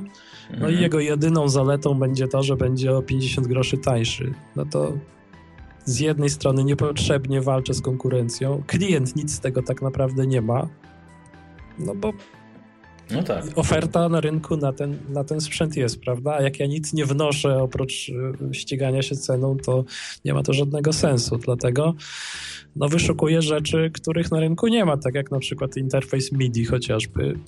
No, nie jest to jakiś wielki wynalazek, prawda? W no, sensie, tak, że jakaś nowa technika, ale tego nigdzie nie było. No i jeżeli ktoś chciał go sobie kupić, to był skazany na produkty, prawda, dwudziestoletnie. Oczywiście jest pewna grupa, która preferuje trzymanie się klimatu retro i właśnie woli kupić taki e, sprzed 20 lat sprzęt, ale pojawiła się, zobaczyłem, że jest luka, zresztą sam po prostu potrzebowałem takiego interfejsu. No i poszło. To tak ja się z ciekawości zapytam, czy uważasz, bo, no bo to w sumie chyba sensu nie ma, ale retro też do końca nie ma retro e, sensu e, w mainstreamie. E, czy jest miejsce na przykład na takie jak kiedyś digitalizery czy genalogi, żeby robić takie nowe produkty? Czy to jest w ogóle technicznie możliwe? Wiesz, no bo też nie ma takich nowych produktów, nie? To znaczy, jeżeli chodzi o wideo, to akurat jeszcze tematu nie badałem, ale jednym z moich produktów najbliżej, najbliższych wypuszczenia jest sampler audio. Mhm. E, no i nowoczesne, że tak powiem, to co elektronika współczesna, na co pozwala teraz, to po prostu będzie no, skok jakościowy przy cenie całkiem sympatycznej, wydaje mi się. No nie chcę tu już rzucać kwotami, nie, bo to jeszcze za wcześnie na to. E, ale właśnie no, to jest jeden z produktów, który jest u mnie teraz, wiesz, jak to się kiedyś mawiało na desce kreślarskiej. No tak, no to rozumiem, że projektujesz na komputerze. Nie, no jasne, wiesz, tak się teraz elektroniki tym bardziej w tej chwili już nie da się. Czy można, tylko że koniec końców to mm, firma produkująca płytki i tak wymaga plików w określonym formacie. No dokładnie. Więc no, ale wracając do tematu właśnie, właśnie, bo to też jest, że tak powiem, nikt nie oferuje w tej chwili takiego produktu nowego. Owszem, można tam na Allegro wyhaczyć jakieś samplerki z epoki, z tym, że one są, no nie czarujmy się, słabe technicznie najczęściej. Mm. No tak, Nawet pomijając ich wiek. Także tak, no te, w tej, ten mój projekt będzie zupełnie inaczej wyglądał niż, niż, niż samplery powiedzmy z lat 90. No i myślę, że będzie też dawał znacznie większą jakość, bo tam jest, no jest pole do popisu.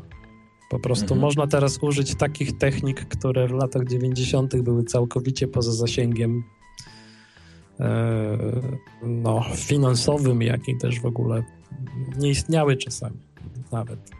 No jasne. Nie, no to to jest, mm, ja tu mam cały czas 600, mm, więc zawsze mm, tak. Kiedyś też marzyłem, żeby nagrać podcast na 600, więc z takim samplerem może by się udało.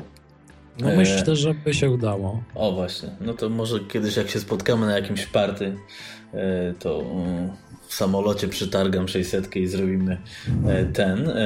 Słuchaj, a właśnie, bo jak projektujesz takie urządzenie, czy ty masz, y, że tak powiem, beta testerów hardware'owych, czy to, albo nie wiem, masz tysiąc amik i tam sprawdzasz na każdej, czy będzie działać, wiesz o co chodzi, nie?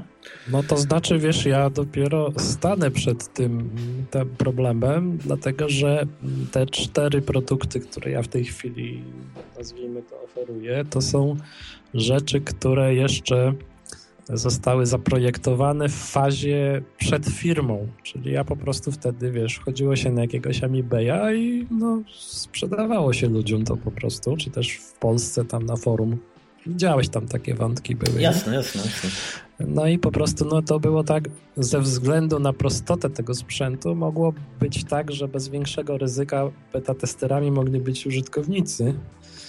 E, no bo szansa na to, że jednak wypuszcza już coś, co jednak u kogoś tam nie działało, była niewielka.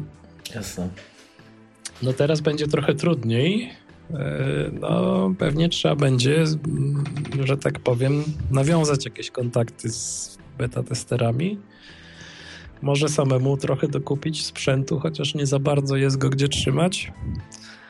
E, no generalnie no to staram się, wiesz, to przetestować to samemu bardzo dokładnie tak mm, chociażby znany z forum fakt, że ta zwykła kontówka PCMCIA, która jest, nie zawiera w sobie nic oprócz połączeń, nie ma tam żadnej elektroniki, no miała mhm. pięć wersji. I dopiero piąta wersja jest tą finalną. Czyli no, testy były ostre, jak to się mówi. No i produkt, ja jestem trochę perfekcjonistą z natury, więc no staram się wypuszczać takie produkty, które już raczej nie sprawią za dużo problemów użytkownikom. Jasne, to, to, się, to się chwali. No, jesteś znaną postacią pewnie między innymi dlatego. E, słuchaj, tu mam takie pytanie i naturalnie i poza tym na forum PPA się przewijało też Crash Core, więc pytanie jest, jakbyś miał zaprojektować turbiacza to na jakiej zasadzie, czy z FPGA, ze słynnym, mitycznym Crash Core, czy może inaczej, czy budżetowo, czy może jednak 0,60, czy no wiesz, o co kaman i czy w ogóle może rozważasz to? To znaczy może zaczniemy właśnie od końca, czyli czy ja to rozważam. Wiesz, to jest tak, mm, to są marzenia naprawdę rozróżnimy tutaj powiedzmy plany firmy, prawda? Plany, mm. bo na przykład ten wspomniany przeze mnie sampler, no to już jest plan, prawda? Ja już usiadłem, narysowałem wstępnie koncepcję, jakie tam scalaki będą potrzebne, jak będzie wyglądało programowanie itd., tak itd. Tak Natomiast y, ten crash core słynny to jest takie, wiesz, marzenie takie, ale byłoby fajnie coś takiego, nie? Ale ja sobie też jako realista zdaję sprawę, że to może być pomysł, który mnie przeskoczy, a też trzeba pamiętać o tym, no, że wiesz, no, firma musi mieć produkty i sprzedawać. E, jeżeli ja bym sobie teraz usiadł i zaczął przez cztery, załóżmy, lata robić tak, coś takiego, no to ta firma, musiałbym tę firmę zamknąć najpierw, no tak. Y, przez 4 lata, że tak powiem, dokładać do tej zabawy. Znaczy, no powiedzmy, nie są to jakieś grube tam dziesiątki tysięcy, dałoby się to zrobić, ale przez 4 lata robić tylko to. No i później, później dopiero mm, byłoby to coś, wiesz, no wiadomo ile czasu trwały prace nad Wampirem, to były chyba 6 lat bodajże i tam pracowało kilka osób. I tak dalej jest nieskończony w sumie. No, no tak, nie? Także, także to u mnie jest taka sfera marzeń, czy też tak zwanych, y, jak to się mówi, y, kawiarnianych rozważań, nie? Że tam siada pięciu panów przy piwku i zdobywają świat, nie? No nic nie ma w tym złego. To jest bardzo przyjemne, można sobie odprężyć się, nie? E, tak samo można sobie na forum tam porozmawiać, nie? Ale, ale mm, no raczej nie wykluczam, że może się w tym pobawię, ale to są raczej takie odległe marzenia, żeby było jasne. Mhm. Ja, się, ja bym tutaj wrzucił taki komentarz to, z punktu widzenia laika, bo y, słynny Jens, który ma y, Individual y, Computers, który dwa lata temu zapowiedział Amiga Reloaded, że za rok już będzie, czy już jest rok po. Ja myślę, że właśnie on tym się zaskoczył, że to nie jest tak proste zrobić starą płytę starymi układami w dzisiejszych czasach i no i tej Amigi jeszcze nie ma i podejrzewam, że jeszcze jej długo nie będzie, więc to chyba jest podobne skomplikowanie projektu, nie? Tak, tak. To znaczy, wiesz, no nawet można powiedzieć, jest to skomplikowanie jeszcze większe, ponieważ w przypadku e, karty turbo mm, z układem FPGA jako procesorem, no ty w zasadzie panujesz nad wszystkim. Natomiast jeżeli robisz coś ze starymi chipami, to po prostu, no niestety, to musisz poznać, że tak powiem, każdy zakamarek, każdą ułomność tych chipów, każdy detal, e, żeby to współpracowało z tą nową częścią. E, w przypadku karty turbo, no to jest tak, że powiedzmy ten interfejs między kartą a, a resztą Amigi jest ustandaryzowany, nie? To tak trochę jak w programowaniu, masz no tak. dokumentację interfejsu i nie wnikasz, co jest po drugiej stronie za bardzo. Znaczy tu w przypadku elektroniki czasem musisz trochę wniknąć, ale jednak to jest jakieś tam standardowe dla Amigi złącze, które było przewidziane od razu już konstrukcyjnie do tego, żeby podłączać tam no, karty różnych producentów i że to ma współpracować. E, natomiast e, Amiga Reloaded, no to jest tak, że ty wchodzisz w środek, jak to się mówi. No i to po prostu każdy, musisz te Amigi poznać lepiej niż inżynierowie z Commodora a, a, nie ma dokumentacji dostępnej wewnętrznej, wiesz, tam jakieś schematy wewnętrzne układów i tak dalej, i tak dalej. To są jakieś tam szczątki, które gdzieś tam mhm. czasem się udało. E, jakieś dokumenty wewnętrzne z Commodora czasami wyciekły, ale to są szczątki. No i to, no wiesz, moim zdaniem Jens zrobił jeden podstawowy problem. Nie ogłaszaj planów, póki nie masz działającego prototypu. No, myślę, że przestrzelił, chciał ten zabłysnąć i. No, no zabłysnąć, zobaczymy. albo wiesz, no, skokiem do przodu chciał sobie rynek zabezpieczyć. Bo myślę, że Jens poczuł się w pewnym momencie tak e, królem amigowego rynku hardware'u, ale no. został sprowadzony na ziemię przez takie projekty jak Vampire chociażby. No, no i zaczął objawiać powiedzmy pewną nerwowość w swoich poczynaniach. E, słuchaj, to jak już jesteśmy przy nim, skomentowałbyś jakoś e, e, nabycie praw Picasso 96 właśnie przez też Jensa, bo wypowiedział się, że to się nic nie wydarzy, ale no, wiesz, wszyscy mówią, że Amiga to hobby, ale jak przychodzi co do czego, to jednak takie hobby do końca nie jest. Każdy czy kasy albo Y, stara się zabezpieczyć strefę wpływów. Patrz, Amigi NG, MorphOS, Amiga OS, no Aros to tam powiem, że nie zabezpiecza, bo nikt się nim nie interesuje na poważnie. E, I czy Jens nie zabezpiecza sobie właśnie strefy software'owej wpływów, no bo Picasso 96 jest obecnie dość ważne dla klasyka, nie? Dużo kart tych nowych, y, czy Vampire nawet wykorzystuje go namiętnie. No wiesz, to, to jest kwestia tego, co Jens mówi i co Jens myśli. No co mówi, to wiemy i jeżeli zrealizuje to, co mówi, no to to się zapowiada raczej sympatycznie. Natomiast to, co on myśli, to my się tego nie dowiemy i dopiero czas pokaże. Więc no, no trudno to komentować. Jeżeli będzie tak, jak mówi, że, że, że udokumentuje i udostępni API do sterowników, yy, no to będzie fajnie. No nie wiem, jaki on ma plan. No, znając Jensa, to podejrzewam, że no, wydał jakieś tam pieniądze, nie wiadomo jakie, ale tam jakby ciekło to mniej więcej coś tam tak przebąknął, że to była suma kilku tysięcy euro no na pewno nie wydał ich mm, dla zabawy, tylko wydał po to, żeby ta inwestycja mu się zwróciła, więc w jakiś sposób pewnie będzie chciał na tym zarabiać, ale jak to naprawdę trudno mi powiedzieć. Okej, okay, okej, okay, to, to taki komentarz jest wystarczający. No dobra, to teraz y, na chwilę chociaż zamieńmy się w ten stolik pięciu panów z tym browarem, to ten turbiacz, jakbyś miał zaprojektować czy byś to zrobił dla Amigi 1200, bo jest, ale jest problem ze złączami, czy tak jak Vampire, o którym chyba też trzeba będzie porozmawiać, jest zrobiony dla 600 i 500, czy nie wiem, może w ogóle tak hipotetycznie i w ogóle w trzech zdaniach i kończymy temat. Yy, znaczy wiesz, no, ja mam Amigę 1200, więc to by był taki naturalny target. E, złącza da się zrobić, tylko to jest kwestia ceny.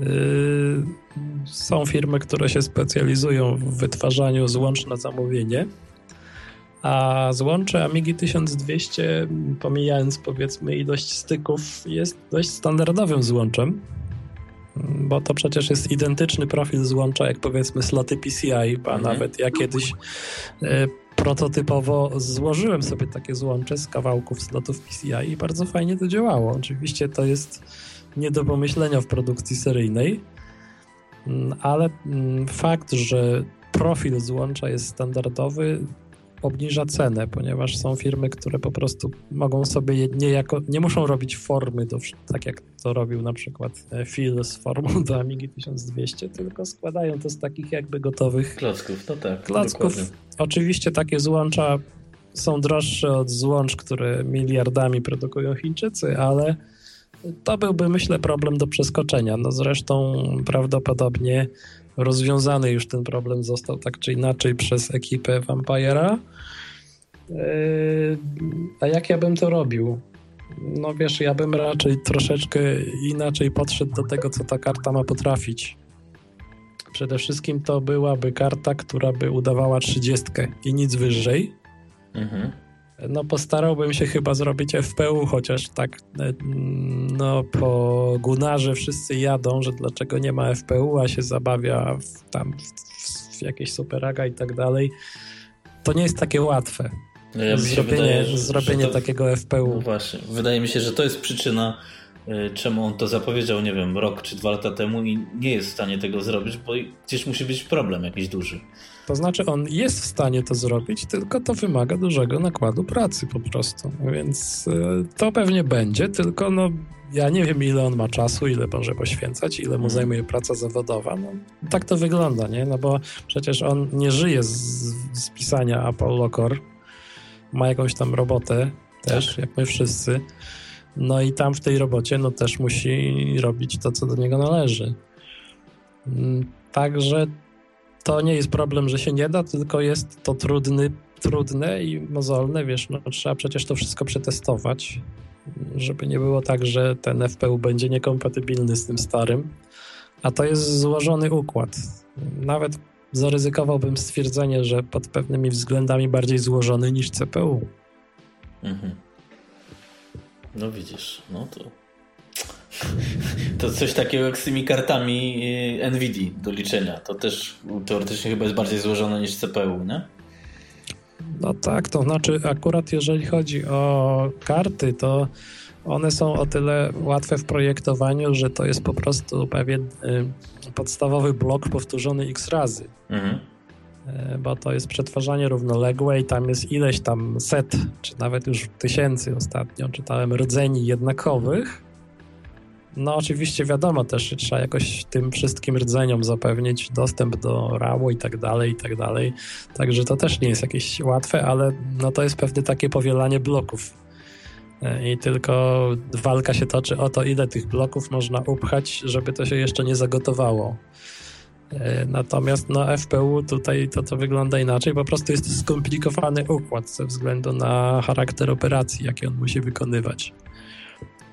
No, nawet takie dodawanie zmiennoprzecinkowe, no już może nie chcę tutaj wchodzić w jakieś detale, prawda, opowiadać tam o bramkach i takich innych rzeczach, no ale jest operacją o wiele bardziej skomplikowaną niż dodawanie w procesorze.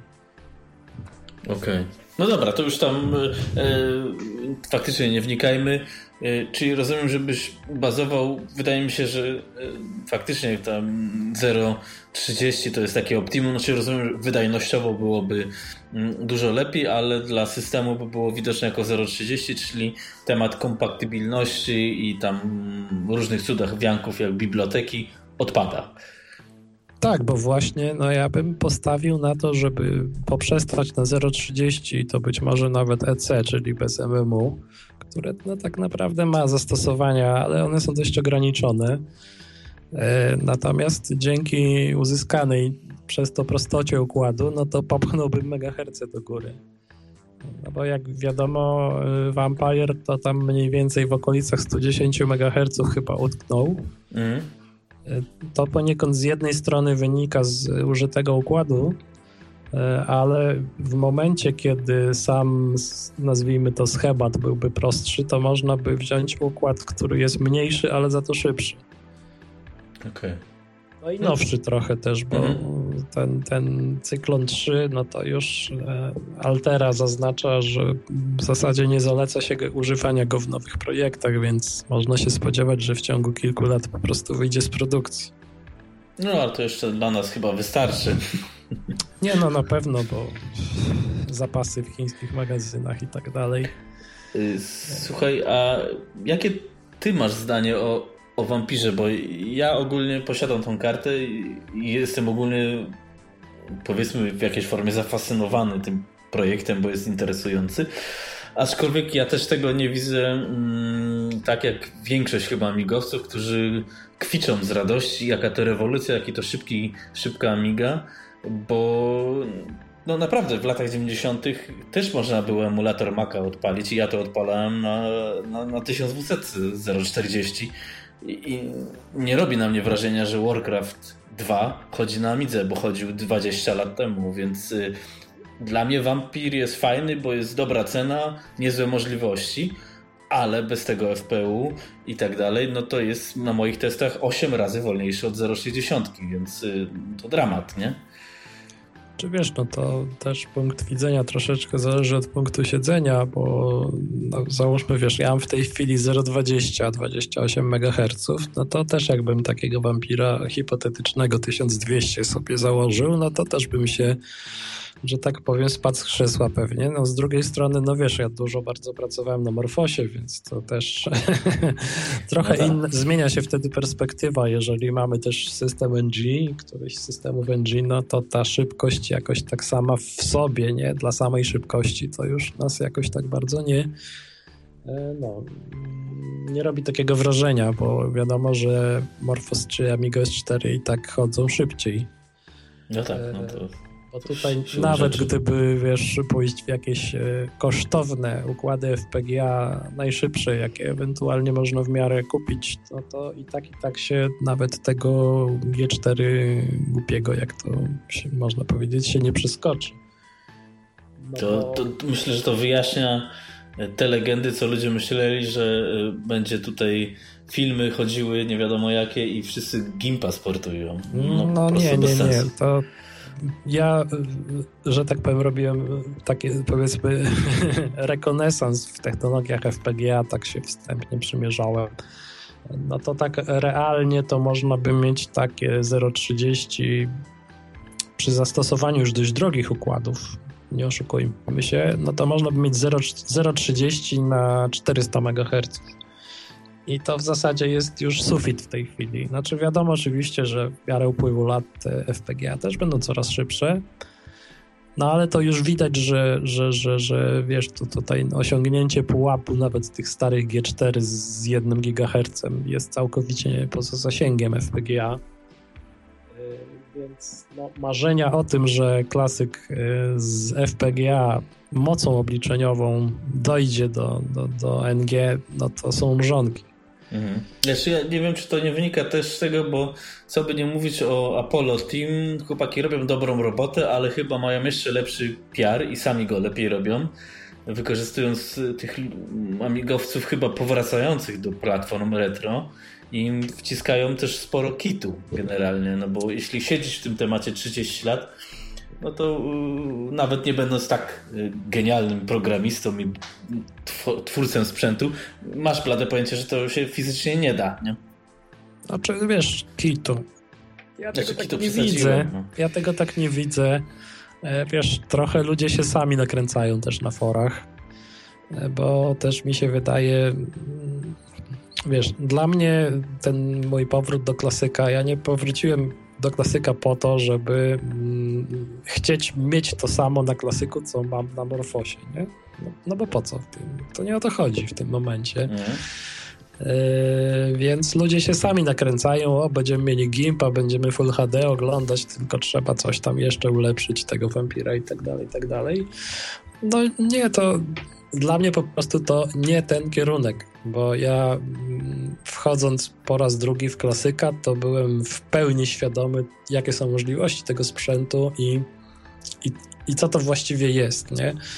Yy, więc tutaj yy, no tak obserwuję te, tego, tego wampira. Oczywiście fajnie jest mieć coś szybsze niż się miało wcześniej, e, ale gdyby mi zależało, wiesz, na tym gimpie i na, na, na, na filmach Full HD, to primo, to raczej bym to jednak widział w NG, a sekundo to mam siedmioletniego lapka z Linuxem, który mi to wszystko załatwia, który kosztował 400 zł mnie. Więc o czym my tu w ogóle rozmawiamy? Mm-hmm. No właśnie, to teraz może porozmawiamy, czemu zrezygnowałeś z MorphOSa, bo byłeś jednym z głównych deweloperów tego środowiska. Yy, jest to bezwątpliwie duża strata dla, dla tego teamu. Yy, I ogólnie od tego czasu, jak można powiedzieć moimi oczami, bo ja nie używam MorphOSa, że od powiedzmy momentu, od kiedy ty odszedłeś, bo nie tylko, nie tylko ty, ale jeszcze parę osób tam się chyba wyłamało, y, widać, że ten MorphOS jakby siadł. To już nie jest ten rozwój, co, co, co kiedyś, ale właśnie to czemu odszedłeś? Y, no. Albo czemu wróciłeś na klasyka? O, to widzisz, to tu doszliśmy do tego punktu podcastu, gdzie będziemy się mogli troszeczkę inteligentnie nie zgadzać.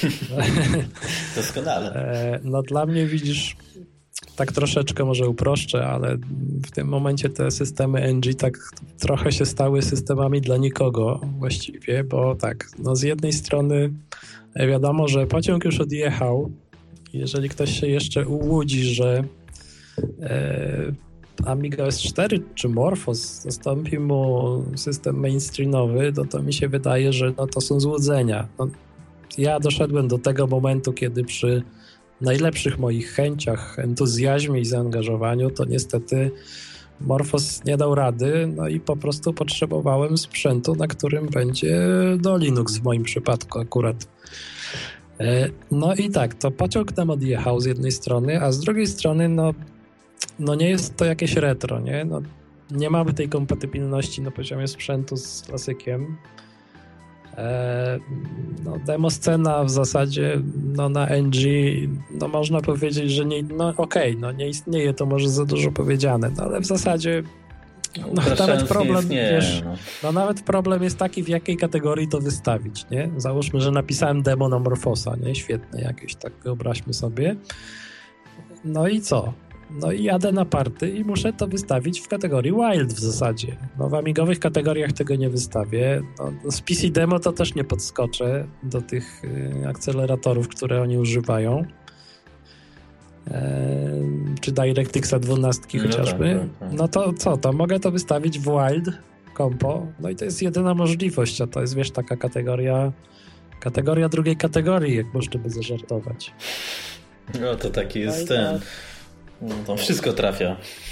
No wiesz, no właśnie, no ze sceną jest tak, że albo się ścigamy na jakimś ograniczonym sprzęcie, mm, słabym nazwijmy to umownie, stąd taki renesans kategorii wszelakich e, typu goła 500, nie? No, demo na gołą 500, moduł na 512 czy plus 512 slow e, i tak, i tak dalej, i tak dalej, albo lecimy na maksa, czyli PC, Mhm. No, czyli ciśniemy ile się da, ile, ile fabryka dała i pokazujemy, co można zrobić na tym. No ewentualnie właśnie jeszcze, wiesz, jest ten taki trzeci kierunek, czyli dema na różne dziwne sprzęty. Yy, jakieś tam takie wyciągnięte. No ostatnio było demo na Atari zrobiło kiedyś takie dziwne urządzenie, które mm, tworzyło wizualizację na telewizorze do, do dźwięku. Okay.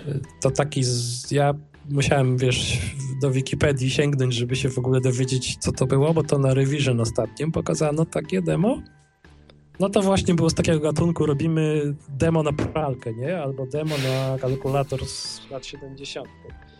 Ale tutaj też y, amigowe systemy NG też nie za bardzo pasują, no bo to są jednak pełnoprawne komputery z pełnoprawnymi systemami operacyjnymi, czyli no wracając, żeby tu się nie rozwijać w dygresję, no tak troszeczkę to takie systemy dla nikogo się stały, a nie dla mnie w każdym razie, bo z jednej strony nie było tego feelingu klasykowego, nie było tej demosceny.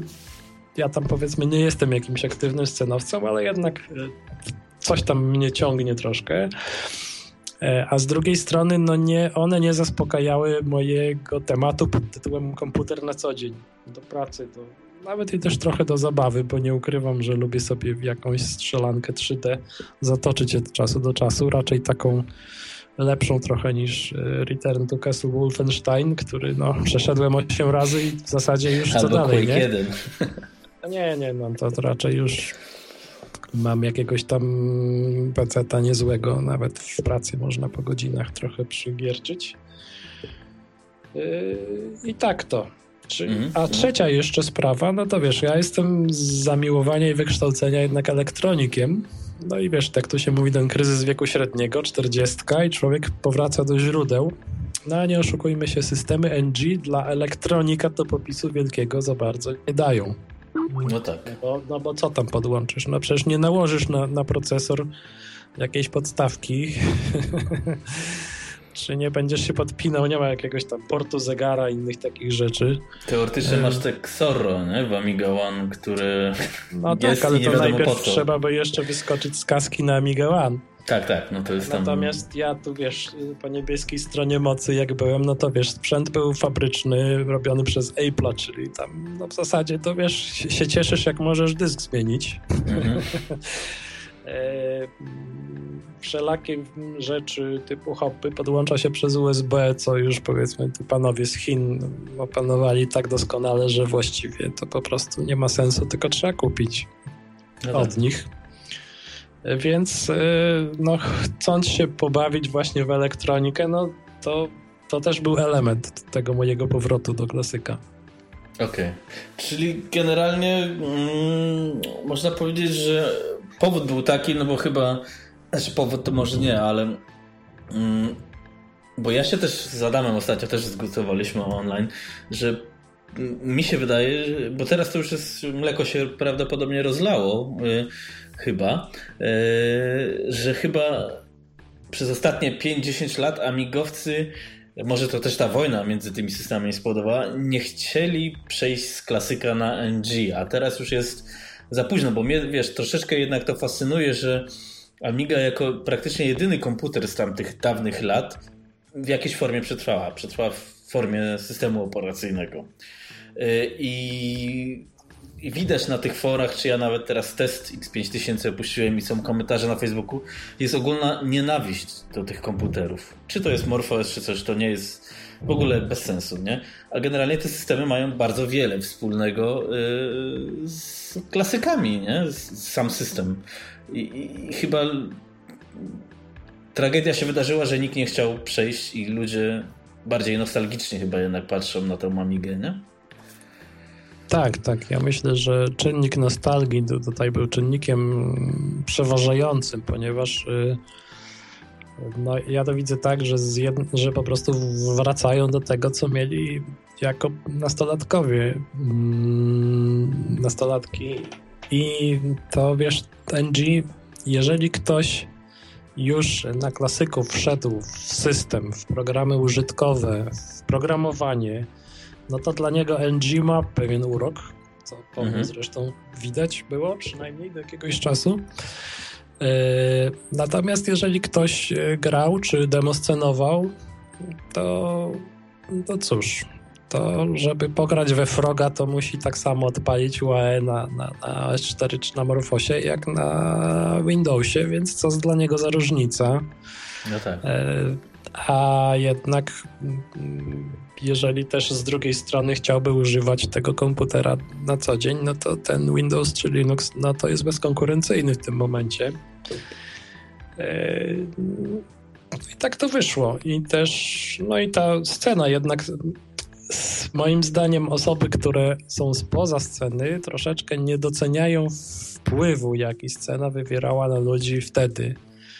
No bo wiadomo, że jak, raz, że dużo było ludzi aktywnych, znacznie więcej i jakby tak pogrzebać w przeszłości amigowców, to wielu z nich miało jakiś e, kontakt ze sceną. Ja nawet też przecież byłem w grupie intro, napisałem kiedyś nawet. E, I ten brak tego chipsetu przysłowiowego to jednak robi różnicę. Mhm. E, Ale no po... generalnie, bo scena to też w magazynie Amiga była promowana czy w ACS-ie i to też na mnie też wpływało, ale zakładam, że nie jesteś, cały czas nie zmieniłeś takiego zdania, że yy, tak jak niektórzy, chipset musi być, yy, bo no chyba yy, no, bo to nie jest idealne rozwiązanie, ten chipset, nie? Chociaż ja generalnie mam najlepsze wspomnienia z Amigi klasycznej, jak miałem 1200 040 AGA. Yy, najlepiej mi na tym Lightwave wchodził, najlepiej mi się na tym robiło animacje, a później jak już przeszedłem na PowerPC Vision, to okazało się, że Lightwave jednak nie chodzi w promocji tak jak wiesz, na ekranach, tak jak powinien, znaczy chodzi właśnie do, do niczego i tak dalej, i tak dalej. I to jest chyba z tym chipsetem to też jest tak, jak miałem wywiad chyba odcinek 12 E, w Amiga w telewizji polskiej, gdzie mój gość powiedział, że no te całe karty graficzne, co to wchodziło w Amidze, to właśnie była proteza tego, że Commodore nie rozwinęło sprzętu, nie? No tak, to wiesz, no teraz to wygląda trochę inaczej, bo nie ma już Commodora, nie ma już perspektyw rozwoju, e, nikt nam nie wypuści jakiejś lepszej tam powiedzmy Amigi 1800 z chipsetem AAA, E, czyli no, to się w pewnym stopniu utrwaliło, wiesz, no, ta Amiga jest tutaj takim jakby zabytkiem w pewnym sensie e, i jest spora grupa ludzi, którzy no, po prostu traktują już w sensie zabytku, czyli nie zmieniamy stanu zastanego, nie? To takie jakieś E, kombinacje, dlatego też tutaj jest spory właśnie opór ortodoksów, nazwijmy to, przed Vampirem, szczególnie przed tą jego częścią graficzną. Mm, jakieś nowe tryby, superaga i tak dalej, czyta się czasem takie doniesienia. No tak. E, I to po prostu jest, no w tej chwili to jest tak, że ten klasyk to jest e, traktowany jako taki pewien, jakby to powiedzieć, brakuje mi tutaj trochę słowa, taki wzorzec, nie? że już nie ruszamy tego, co jest, tylko to jest taki kanon. O, o, o właśnie. Mm -hmm. No ale fajnie jakby ten kanon, bo jak ja y, robiłem też y, tą sondę y, na temat klasyka między innymi, no to mi wyszło na tej sądzie, że jednak większość ludzi ma te 0,20, 0,30 i AGA lub kartę graficzną. I mnie osobiście boli, że jednak y, nasi programiści w ogóle tego nie, nie wykorzystują, tylko wiesz, ja lubię Amigę, lubię retro feeling Amigi, ale aczkolwiek mnie bardziej interesuje powiedzmy ten rozwój w retro, czyli na przykład Vampire, bo da, daje nowe techniczne rzeczy, czy NG, no bo jednak są jeszcze też jakieś nowości, niż taka nostalgia i rozrzewnianie czasów 30 lat do tyłu, no bo to już było. No to mnie to nie interesuje fajnie, ale oczekuję rozwoju w retro. O, nie, nie wiem, czy konsas. I, I chodzi mi o to, że generalnie nasi programiści no, faktycznie skierowali siłę na 500 i cała reszta nie istnieje. Nie, a wiesz dlaczego? Najłatwiej. Nie, nie dlatego. E, po prostu chodzi o to, że zobacz, jakich my mamy na klasyku programistów w zasadzie jedyni programiści, którzy coś piszą na klasyka, to są autorzy gier i scena. Mhm. No to dla nich jest naturalne, zwłaszcza dla sceny, y, pisanie właśnie pod ten jakiś taki kanon, nie? No Czyli tak. no zobacz, jak scena przyjęła Vampira. No, raczej chłodno powiedziałbym, delikatnie rzecz ujmując. No w ogóle znam, go chyba nie przyjęła, może dlatego, znam, że mało jest, nie? Znam jednego człowieka z kręgów, powiedzmy, zbliżonych do sceny, który pozytywnie wypowiedział się. Jednego tylko. Mhm. A w samej Polsce, no to takich osób byłaby chyba koło setki można powiedzieć, w miarę aktywnych jeszcze w tej chwili jako scenowcy, nie? No zresztą jest pewien renesans tego, tego działania. No i właśnie dlatego my właściwie nie mamy ludzi, którzy piszą na klasyka programy użytkowe, nie? No nie, nie, nie, nie istnieje coś, no bo, No bo to, to no, no, no, jakbym nawet chciał podać jakiś przykład, to musiałbym się bardzo starać. No bo powiedzmy fakt, że Hollywood chodzi na klasyku w jakiś tam sposób, no to jest... Wypadek przy pracy. Taki efekt uboczny, nie? Ale... No, no, no, no jakby... Ignition masz, ale to też jest efekt uboczny. Ale Ignition to jest stary już program. Przecież. No w sumie tak, ale on jest cały czas rozwijany, nie? Tak, nie przez oryginalnego autora, dodajmy. E, mhm. Autor po prostu udostępnił źródła, ale ja Ignition to pierwszy raz czytałem chyba z 10 lat temu, także wiesz. No tak chyba było coś. No, ale, ale, ale gdybyśmy chcieli podać przykład jakiegoś programu użytkowego, większego trochę od pchełki, ja to nie wymagam, bo klasyk szybkości, jego moc obliczeniowa i możliwości mają swoje prawa, nie, to nie wymagam jakichś cudów, ale Jakiś taki ładnie wykończony w miarę średniej wielkości nawet program użytkowy na klasyka. No naprawdę miałbym duże kłopoty, żeby, żeby wskazać taki przykład. Nie ma. Y, nie, po nie prostu ma. programiści, których nazwijmy to bawiło pisanie w zgodzie z systemem, y, pisanie programów użytkowych, to po prostu poszli na NG. I tak, mhm. tak, tak, tak to jest. A później jeszcze a, a część klasyku... z nich się poddała, na no przykład. Tak, tak.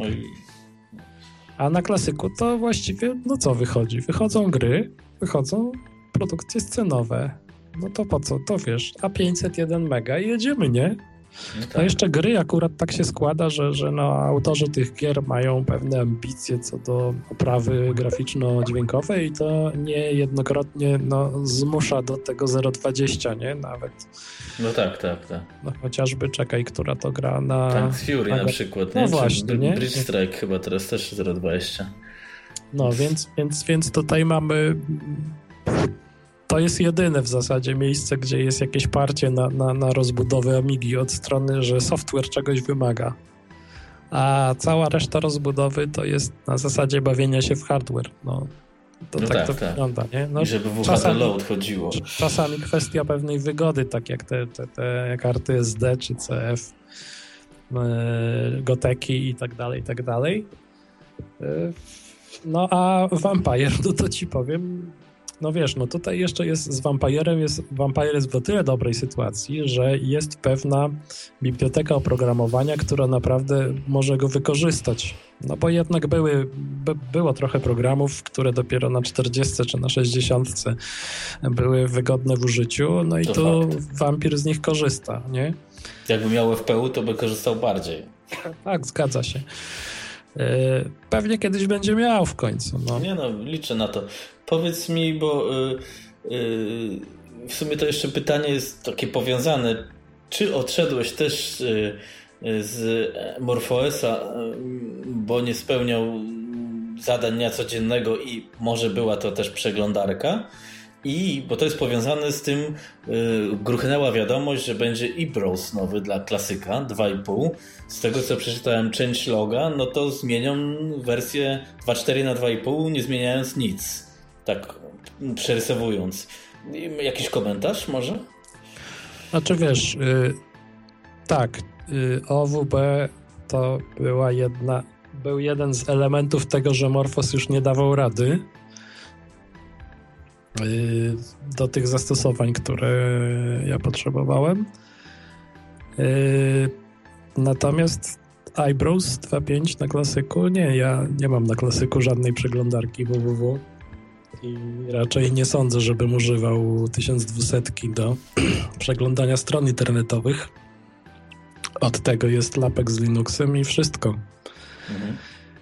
Yy, no, WB No, głównie to z powodów takich, że właśnie giełdy bitcoinowe to są strony bardzo intensywnie wykorzystujące JavaScript.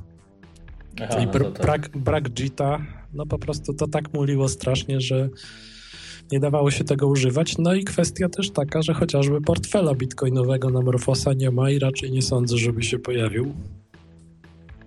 Mhm. No i ogólnie jednak OWB, jak się wiesz, zaczyna intensywnie pracować na przeglądarce, to, to sam pewnie wiesz, jak to działa. Nie no, to, to, to mogę powiedzieć, bo ja teraz jestem, y, tak jak zapowiedziałem, że wydam 2300 euro na Amigę X5000, no to będę używał na co dzień i staram się to czynić oczywiście i napisałem nawet książkę i naprawdę zdziwiłem się, że tyle rzeczy da się zrobić na tym komputerze, aczkolwiek e, Odyssey jest genialne, jak na jedną osobę powiedzmy, ale jednocześnie e, wiesz, tak jak teraz ja tu mam w Safari otwarte chyba 20 czy 30 zakładek, no 20, ale do 30 dochodzę no to na e, NG mogę w ogóle zapomnieć, żeby w ogóle A obsłużył, B e, nie zapamięta, znaczy zapamięta mi sesję, no ale będę miał problemy, a poza tym e, o ile Google Docs na przykład jeszcze chodzi, chociaż są komunikaty o błędach, ale chodzi, o tyle na przykład mój jeden z intensywniejszych Dropbox, który przy pisaniu książki chodził, tak już teraz dwa miesiące później, chodzi już już prawie nie chodzi.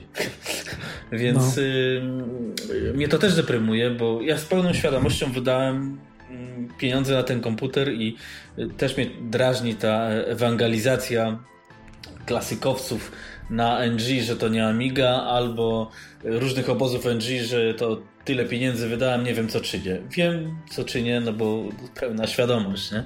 Aczkolwiek i jestem pełen świadomości tych limitów, Aczkolwiek y, tu się zgodzę z Tobą, że no, przynajmniej dla mnie głównym narzędziem na komputerze jest przeglądarka teraz.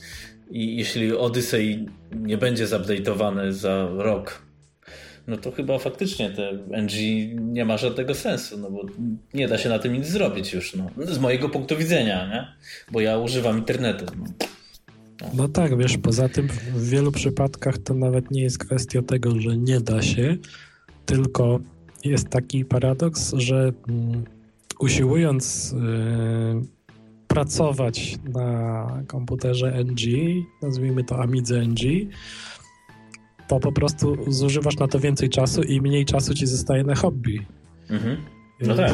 Ja się na tym przełapałem po prostu, że wiesz, no, moim hobby było do jakiegoś tam momentu programowanie pod Morfosa, pisanie jakichś tam nowych Y, elementów systemu czy programów, ale jak ja na tym Morfosie próbowałem też y, na przykład robić to, co robię w pracy, jakieś tam małe stronki i inne tam takie rzeczy, no to po prostu to zajmowało więcej czasu, a mniej czasu zostawało na, na, na to programowanie.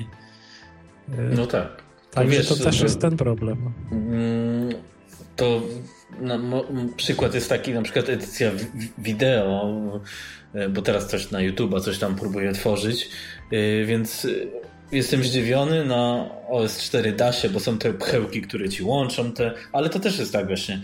Da się, bo są pchełki, które robią poszczególne rzeczy, ale na przykład na moim Macu mam jeden program iMovie, który to robi jednym ruchem konika szachowego, więc to masz rację, to zajmuje mi godzinę mniej, załóżmy, nie? Poskładanie filmu czyli to jest tak, na NG troszeczkę udowadniamy, że się da. O, można tak powiedzieć. No. Tak, A... no ja doszedłem do, do, do tego progu, gdzie już stwierdziłem, że mi się nie chce udowadniać.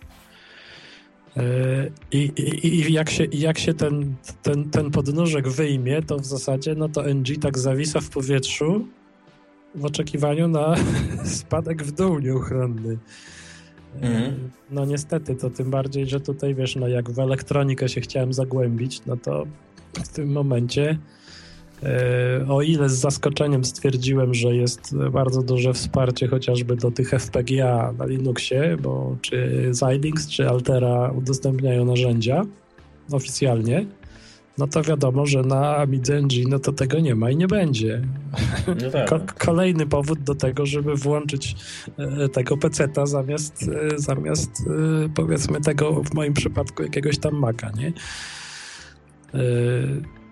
No i, i tak to wygląda. Tak, no tak jest... to, to wobec tego powiedz mi, do, do czego ty tego NG, nie NG, klasyka używasz? No bo w sumie to samo odnosi się do, do klasyka. Jaki jest sens włączać klasyka, jak mam szybciej to na emulatorze, pod Windowsem czy cokolwiek i, i no jest lepiej. No, na, jest zawsze szybciej, lepiej, wygodniej, bez błędów i tak dalej. No poza, wiadomo, kodowaniem dem, nie? Ale też programiści pracują na WinUAE, no bo jest wygodniej. Więc jaki sens posiadania w sumie klasyka, a nie na przykład emulatora? No powiem Ci, że odpowiedź będzie pewnie dość zaskakująca. Mianowicie ja w ciągu ostatniego powiedzmy pół roku to klasyka najczęściej włączam po to, żeby testować produkcję. Mhm. No trzeba wszystkie te przelotki, interfejsy sprawdzić, czyli wpiąć to w Amigę, włączyć, sprawdzić czy botuje, podpiąć jakieś urządzenia MIDI, czy tam ewentualnie, nie? I to jest główne zastosowanie Amigi w tej chwili u mnie. Czyli e... zawodowo, można powiedzieć. Tak, tak. Pro profesjonalnie użytkuję ten sprzęt. E, natomiast e, oprócz tego, no lubię sobie czasem popykać w jakąś starą gierkę, przyznam. Co do programowania, to też no coś takiego u siebie zaobserwowałem, że generalnie zapał do programowania jako takiego mi trochę zmalał. E, no kiedyś to była bardzo wciągająca czynność, relaksująca i tak dalej, i tak dalej, a teraz no nie wiem, to myślę, że z wiekiem to jest związane. E, tak, też lubię sobie czasem coś zaprogramować, ale nie ma już tej pary takiej, nie, nie ma tego transu programistycznego, że, że, że wiesz... No, wiesz no, ja to chyba mogę zrozumieć, no bo z wiekiem, czy to jest programowanie, czy co, wiesz, jak człowiek, ja jestem jeszcze przed 40, ale generalnie mam tą świadomość, wiesz, jak studiowałem, miałem 20 lat, to dla mnie ludzie, którzy mieli 30 lat, to byli żywe trupy. Nie? ci ludzie nie mieli prawa żyć, bo już umarli. Umarli powinni być. A, e, a teraz myślę, o Boże, jaki jestem stary i zaczynam naprawdę analizować, mm, żeby ten swój czas jakoś też inwestować sensownie, no bo tego czasu mamy określony limit, a jak mam 40 lat, no to mam mniejszy limit bo szybciej w kalendarz walny statystycznie niż dwudziestolatek. Znaczy, wi wiadomo o co chodzi.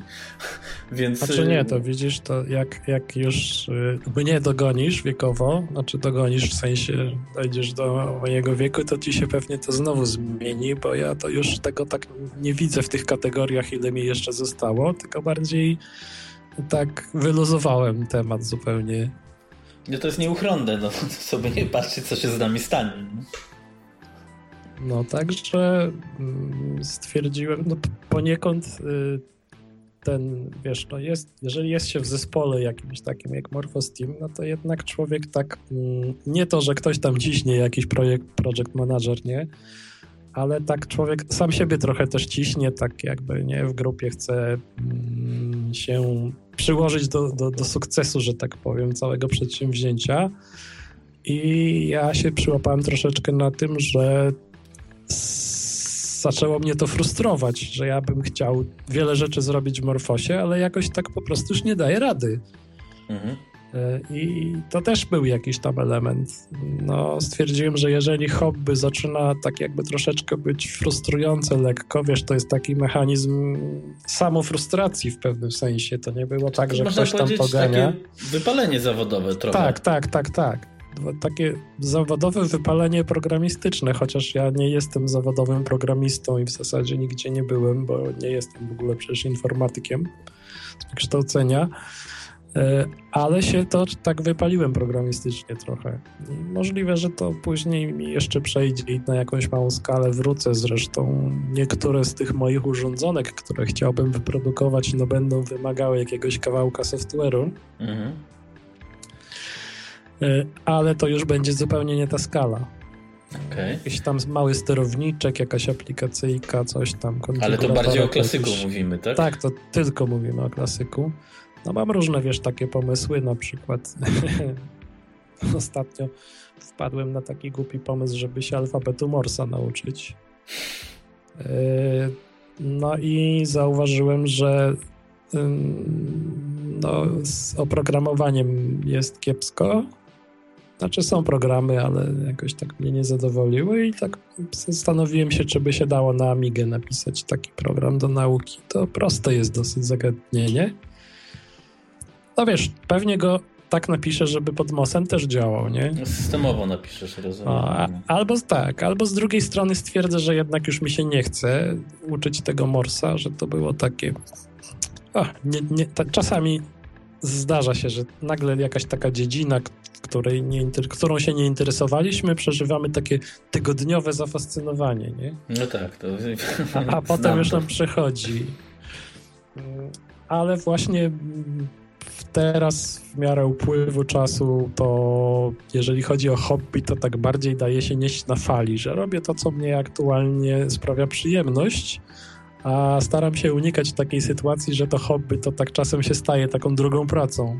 No, to w sumie ci powiem, że ja też mam też takie wzloty i upadki momentami, bo jak nagrywam te podcasty teraz na YouTube'a, tą książkę pisałem, to jest fajne, bo w sumie mało kto takie rzeczy jednak mimo wszystko robi i to jednak jest satysfakcja, ale y, momentami jest to takie wrażenie, że to jest druga robota, no bo tu musisz odcinek poskładać, tam musisz, masz wywiad tekstowy, musisz przygotować, to musisz jeszcze to przetłumaczyć, y, a, a tam masz jeszcze jakieś, chciałbyś coś na YouTubie pokazać i łapiesz się faktycznie też, że wracam z roboty i 6 godzin czy 4 godziny siedzę na, na Amidze albo, albo na, na, ostatnio na, na Amidze, bo w Hollywood się bawiłem, żeby zrobić playera do podcastów.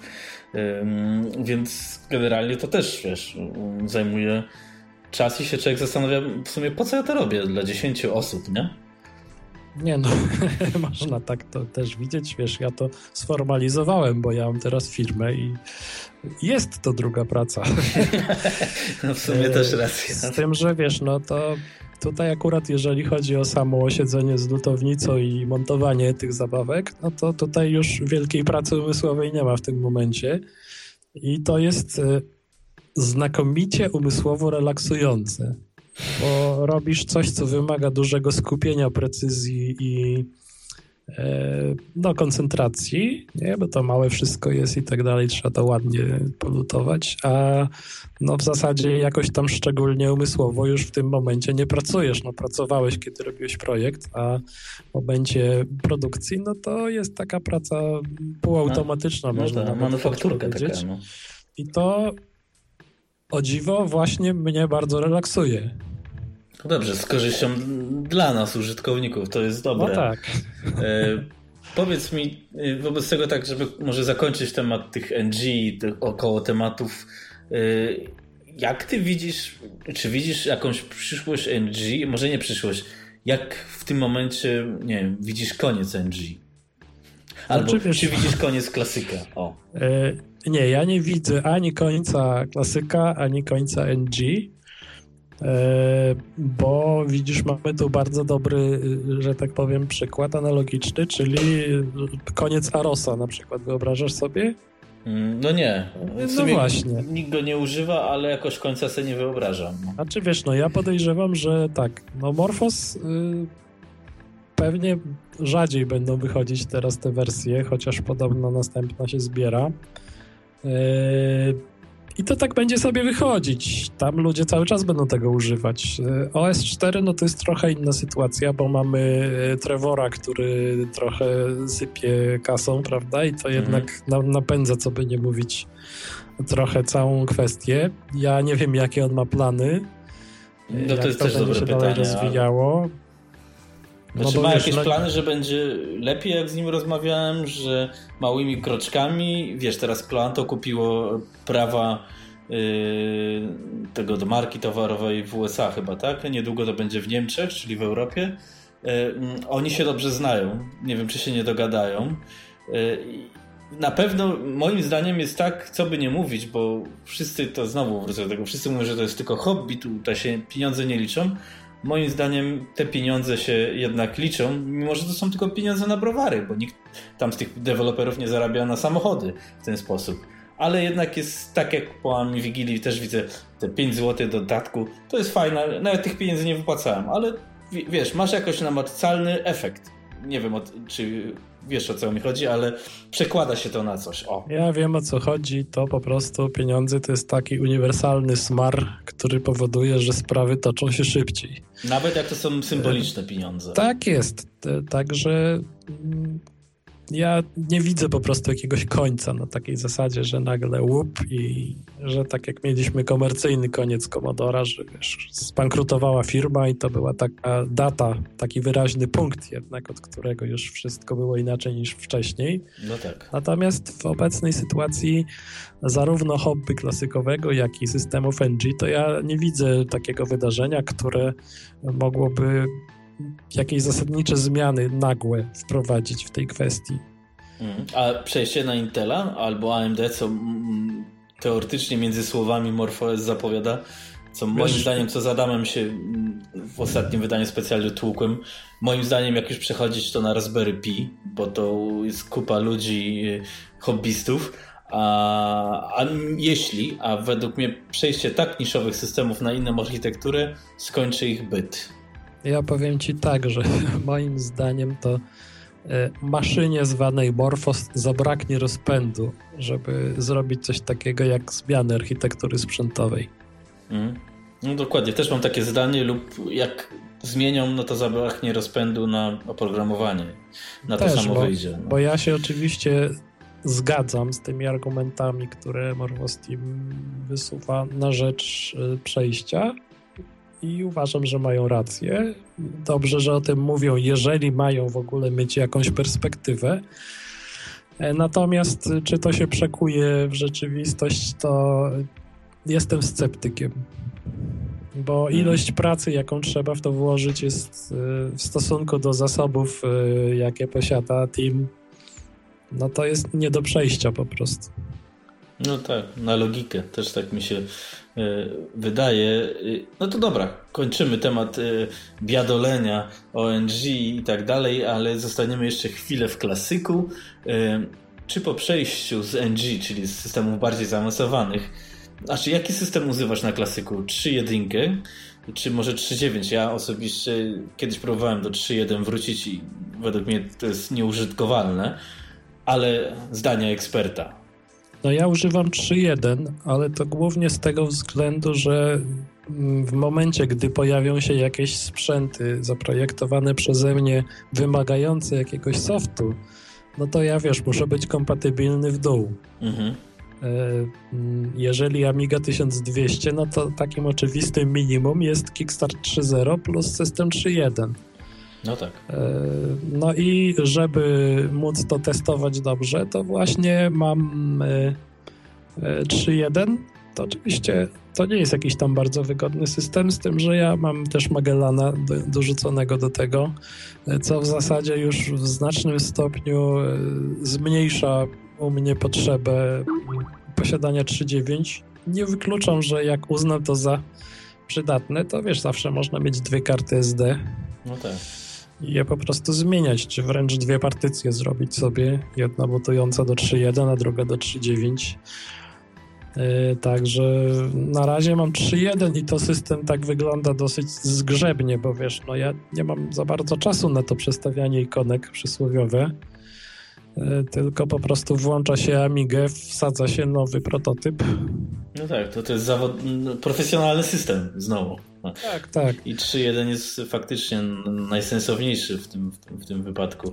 A jakieś, no tu też mam pytanie od y, Tomasza, jakieś y, y, warsztat pracy na, na, na tym klasyku, ale w sumie nie programujesz, mówisz, ale jak będziesz programował, załóżmy, y, bo mówisz, że są takie możliwe plany, jakieś narzędzia, które planujesz albo byś polecił nawet może dla kogoś?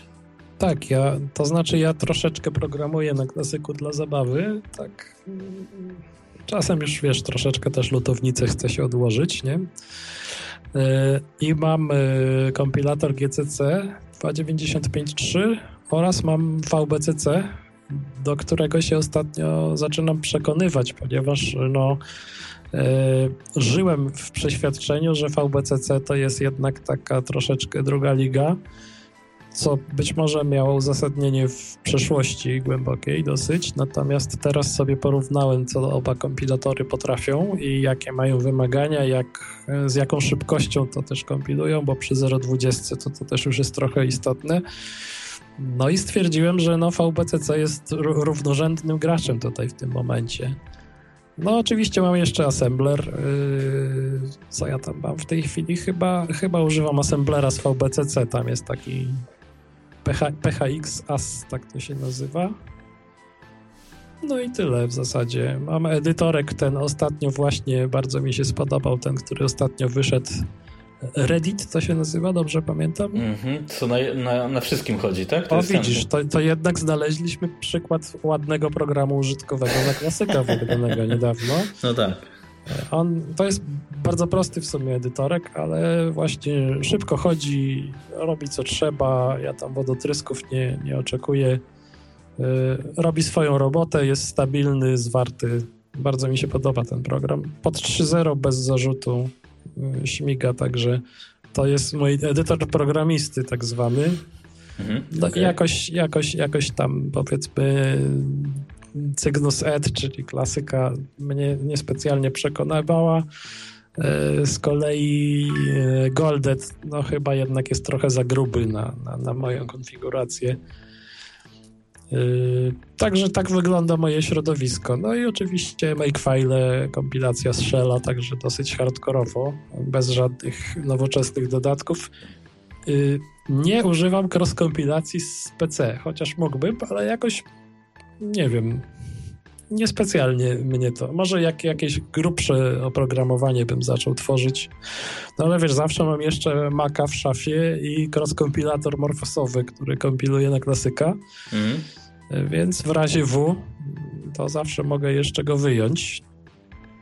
Okay, to się czyli nie, się pozbyłeś, ale Maka się nie pozbyłeś. Czyli... Nie, to znaczy, wiesz, to jest taka historia y, ciekawa dosyć, że ja tego Maka dostałem w prezencie jako programista, jako takie wsparcie, nie?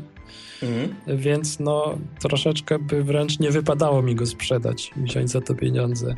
A z drugiej strony, no nie chcę za sobą palić mostów i tam obrażam się za Morfosa czy coś tam, już NG jest fuj, czy nie, to, to, to zdecydowanie nie, nie, nie jest moja droga. Ja nie wykluczam, że kiedyś może jeszcze znowu stwierdzę, że a może by jednak coś napisać na Morfosa, czy chociażby y, napisać program na klasyka w taki sposób, żeby również działał pod Morfosem. No to byłoby w sumie, ci powiem szczerze, ja się też zastanawiam, czemu by właśnie w ten sposób nie tworzyć pro programów czy gier, tym bardziej, że no, NG z założenia jest powiedzmy mocnym sprzętem, e, nawet te najsłabsze, a jednocześnie jakbyśmy mieli takie programy systemowe 0.20 256 kolorów, no to mogłoby fajnie chodzić nawet na takiej przysłowiowej 30, czy na wampirze, czy, czy, czy tym podobne i wszyscy mogliby skorzystać, nie? Przygod, przygodówkę y, w 640 na 480 na przykład, czy, czy jakiś program sensowny.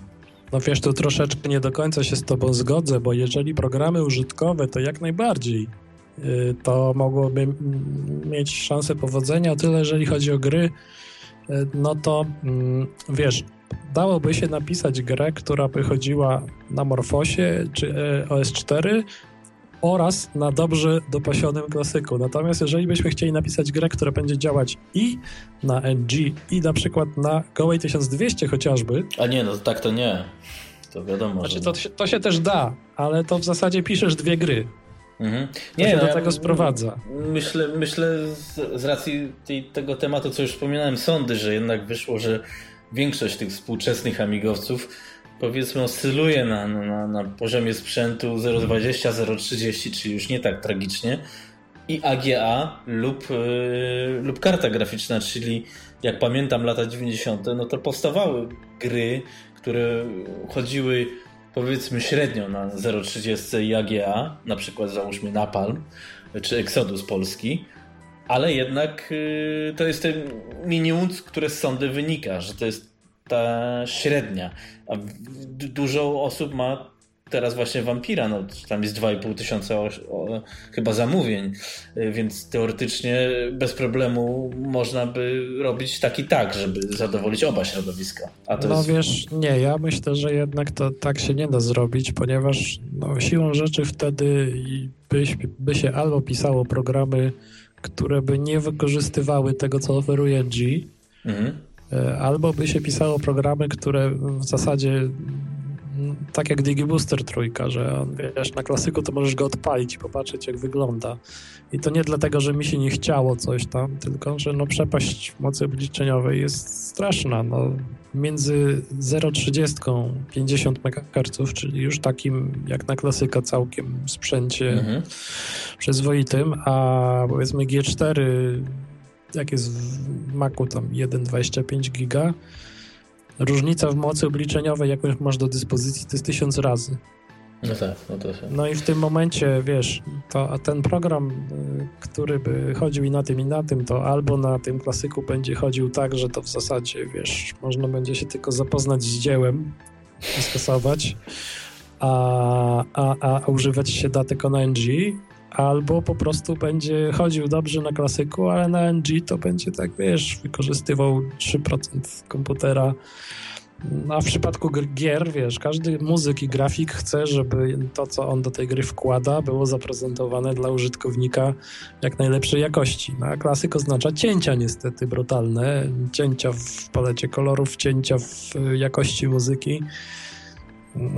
No ale no z drugiej strony zauważ, że jednak ilość tego, sam mówiłeś, oprogramowania y, czy, czy, no, czy gier, y, powie, ja, powiedzmy tak, moim zdaniem z lat 90.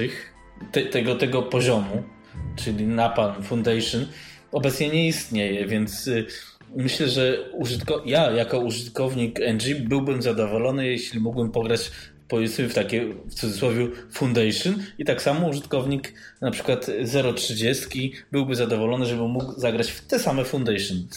2, 5, 6 kolorów 640 na 480. No bo nie mamy w sumie żadnych y, programów bardziej zaawansowanych niż nie wiem, ECS czy OCS. No tak, to to, to wiesz, ale to jest specyficzna kategoria gier, nie?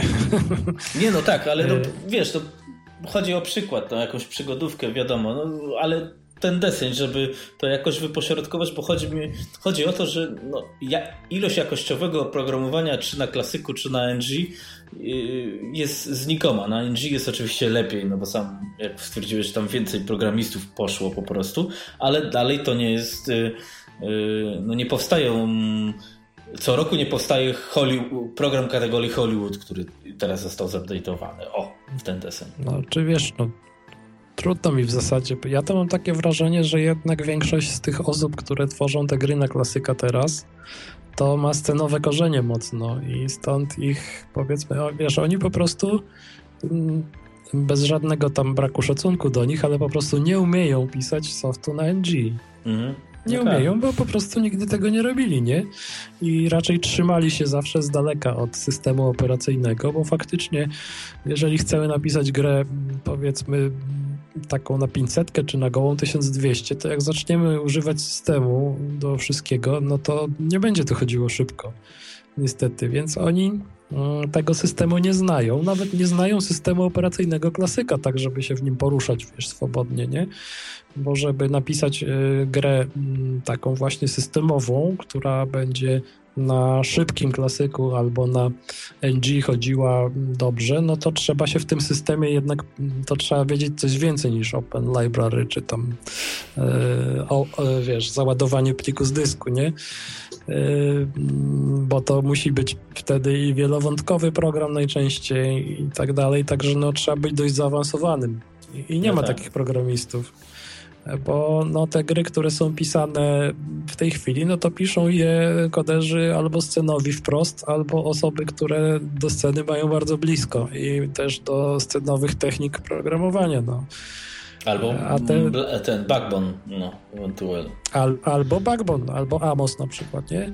No, ale te wszystkie rozwiązania to znaczy Backbone chyba też, bo Amos to na pewno, ale do NG to się mają słabo. No tak, w, nie, no, w sensie uruchamiania tych programów, nie? No i tu po prostu ja myślę, że nie ma takich gier właśnie systemowych. No na Maca była cała masa takich gier, nie? Bo tam mhm. chodziło to wszystko w okienku. Dokładnie. E, no to po prostu nie ma komu. No taka mhm. jest brutalna prawda. No i prawdopodobnie to się już chyba nigdy nie zmieni, no bo ilość tych ludzi no, nie wzrasta, już szczególnie nikomu się nie będzie chciało uczyć od nowa. Prawdopodobnie, chyba że na emeryturze może. No raczej, raczej tak, wiesz, no ja nie spodziewam się wodotrysku oprogramowania już ani na, ani na klasyki, ani na NG. No to hobby po prostu zmienia trochę charakter, nie? Bo jak myśmy byli e, nastolatkami, no to tego softu, zwłaszcza, że jeszcze wtedy wiadomo, jak się ten soft zdobywało, nie?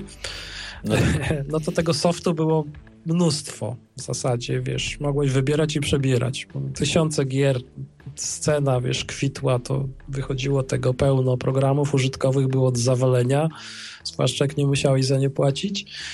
E, także po prostu no, pływałeś w tym oprogramowaniu wręcz. No a teraz, teraz to jest zupełnie inaczej, bo no, softu będzie coraz mniej niestety, także coraz bardziej jest, wiesz, powrót do, tej, do tego, co już, co już wyszło na Migę i to też jest pewien kamyczek do, do tego, że, że właśnie ten klasyk tak ostatnio odżył, bo mm, tam jest potężna baza softu. I to jest, wiesz, wiele tego softu chodzi też na NG, bo muszę na przykład Cinema 4, 4D, yy, ale wiele właśnie tego softu, jak ta Cinema, PageStream czy coś, to cały czas jest całkiem niezły software do takiego hobby tworzenia, no bo nie, nie mówimy o profesjonalnym, wiesz, jak mam zrobić rendering, to nie będę robił to w 20-letniej Cinemi, ale idzie na tym coś zrobić, wiesz, coś tam dla sportu, o. E, no idzie, ale widzisz, no, e, my jesteśmy takimi chyba troszeczkę też pewnymi wyjątkami od reguły, ponieważ y, mm, znaczna część amigowców to słabo poznała ten świat oprogramowania użytkowego na Amigę klasyczną. Mhm. Wte, no tak. Wtedy, wtedy, nie? Y, I oni często właściwie nawet nie wiedzą, co, co, co ten klasyk nawet potrafi w kwestii, powiedzmy, składu chociażby komputerowego. Bo no, PageStream to nie był taki program, który każdy miał. No nie, nie. sobie szczerze. Wiesz, no ja, ja mam mi się udało kiedyś go zdobyć, ale powiem ci szczerze, że on też mną jakoś nie wstrząsnął wtedy, no bo miałem po prostu za słabą na niego konfigurację, tak jak chyba większość y, Polaków przynajmniej. Więc ja tak Page Streama potraktowałem jako pewną ciekawostkę przyrodniczą i do niego później już nigdy nie wróciłem. Y, I dlatego no nawet jeżeli w ludzie wracają, to co powiedziałem o tej bazie oprogramowania, no to siłą rzeczy to jednak jest, są w większości jakieś gry. E, no i te pro, e, archiwa demosceny. E, no i to jest właśnie, widzisz, no, no większość z tego towaru jednak na NG to chodzi tylko pod emulatorem. Co o, o, obronie NG w ten sposób, że przynajmniej z OS4 to jest w miarę wygodne, bo w sumie to jest nawet chyba wygodniejsze niż na klasyku. bo klikam i mi się odpala, więc właśnie jakby mi nie powiedzieli, że to jest emulator, to bym nie wiedział. No, może tak powiedzieć, więc to no, też ma swoje zalety, nie? Na, na, na Windowsie też klikam i mi się odpala, więc... No, nie, no dobra, ale to tylko tak, wiesz... Yy... Nie, ja mm, nie umniejszam, że tak powiem, przydatności emulatorów yy, klasyka na NG, ale jednak wymaga to dość szybkiego NG to raz, bo powiedzmy na takim moim Macu Mini z zegarkiem 1.25 to tak chodzi, chodzi, bo chodzi, ale nie, nie zrzuca z krzesła, powiem tak. No niestety. Tak. Yy, więc jak się ma jakieś tam G5, czy powiedzmy takie X5000, nie, no to, to, to jest fajnie, a jak się ma coś mniejszego, to już jest mniej fajnie. Yy, no i wiesz, no ta nostalgia jednak, to my musimy się z tym liczyć, że nawet jeżeli osobiście dla mnie czy dla ciebie ta nostalgia jest czynnikiem mniej ważnym, to dla większości jednak jest czynnikiem zasadniczym. Nie, jasne, to wiesz, to widzę po kanałach, y, retro kanałach polskich czy zagranicznych na YouTubie, to się wszystko opiera generalnie na, na grach, co mnie niestety, ja to rozumiem, ale mnie to też przeraża, że ludzie, którzy tak jak sam powiedziałeś, w życiu na, na przykład na oczy amigowego systemu nie widzieli i, i będą tutaj mówili, że Amiga to tylko chipset i tam 1 MB RAMu, cała reszta to, to, to nie jest Amiga. No to jest, wiesz, to, to ja na Amidze pracowałem w latach 90. No, jak gówniarz generalnie, ale robiłem na tym pieniądze, no i, i, i używałem programów jak właśnie takich quasi profesjonalnych, Lightwave Cinema i tak dalej, więc y, ja to widzę inaczej, nawet y, dlatego nawet ten klasyk dla mnie ma, jak się postarasz, spore możliwości w zakresie, mówimy, hobby oczywiście, no bo nieprofesjonalnym renderingu animacji na cinema no, w dzisiejszych czasach, ale wiem, co się da zrobić, dlatego mnie ta fascynacja wampirem, że on takie możliwości ma, y, rozbija po prostu, no bo to było już 20 lat temu. Nie, to wiesz, to, to, fascynacja. Mm, ja myślę, że ta fascynacja to jest taki efekt chwili, bo jednak yy, jak się tak właśnie troszeczkę pochylić nad tym bliżej, to on ma dużo potencjalnych możliwości, nie? No bo wiadomo, to można będzie być może mieć AG w 600 yy, i tak dalej, i tak dalej. Natomiast no faktem jest, wiesz, to ludzie tak się teraz cieszą, że się, że się coś dzieje, nie? Bo to jednak jest duża rzecz, taka, taki wam. No nie, to się zgadza. E, biorąc pod uwagę złożoność tego projektu i cele, jakie sobie stawia, no to się cieszą, a że wiesz, no że to jest też taka prawda, że wielu ludzi, wiesz, o 0,60 to mogło sobie pomarzyć, nie? Poczytać w magazynie Amiga i ceny w ogłoszeniach. Natomiast Chyba teraz, teraz, jeszcze bardziej nawet. no teraz jeszcze bardziej, ale wiesz, no właśnie można mieć takie 0,60 wampirowe za cenę, no może nie jakąś tam szczególnie niską, ale taką realną nazwijmy to, nie? Mhm nie z kosmosu, no i można mieć sprzęt, który jak kupisz, to się nie zastanawiasz, czy on w ogóle ruszy, czy nie ruszy, czy nie trzeba będzie wymieniać czegoś. No te 60 oryginalne to po prostu już są stare, tam dużo mówić. I czasami uruchomienie takiej karty no, bywa wyzwaniem, natomiast no, Vampir jest fabrycznie nowy i po prostu go wsadzasz i działa. No, z reguły, no wiadomo, że te 500 i 600 sposób zamocowania tej karty no, jest taki ja powiem tak, ja się przeprowadzałem z moją 600, wiozłem ją w tom i z powrotem y, i mam to normalnie tak przykręcone, jak tam producent chciał i Vampir mi bez problemu chodzi i to jest najstabilniejszy klasyk, jaki miałem, a miałem parę klasyków. No i to jest właśnie to. Natomiast wiesz, jak wyrwiesz jakiegoś Blizzarda na eBayu w stanie nieznanym i nie wiadomo kto i jak go wcześniej używał i szanował, no to może być różnie. Dlatego pewna fascynacja wampirem jest dla mnie naturalna. No czasami też ludzie troszeczkę, wiesz, no, się nakręcają, a realia są takie, jakie są. No wiadomo, że tak można zupełnie bez emocji na sucho porobić benchmarki, porównać wyniki i stwierdzić, no, że cóż, fajny sprzęt, ale szału nie robi. Ale Mm, no, ja bym nie negował tak tej fascynacji. Ja też uważam, że wampir to jest fajny sprzęcik. Z tym, że mm, y, też widzę, czytając fora, że ludzie mają taką nadzieję, że w ślad za wampirem ruszy fala softu. I tutaj i tu, się, i tu się rozczarują.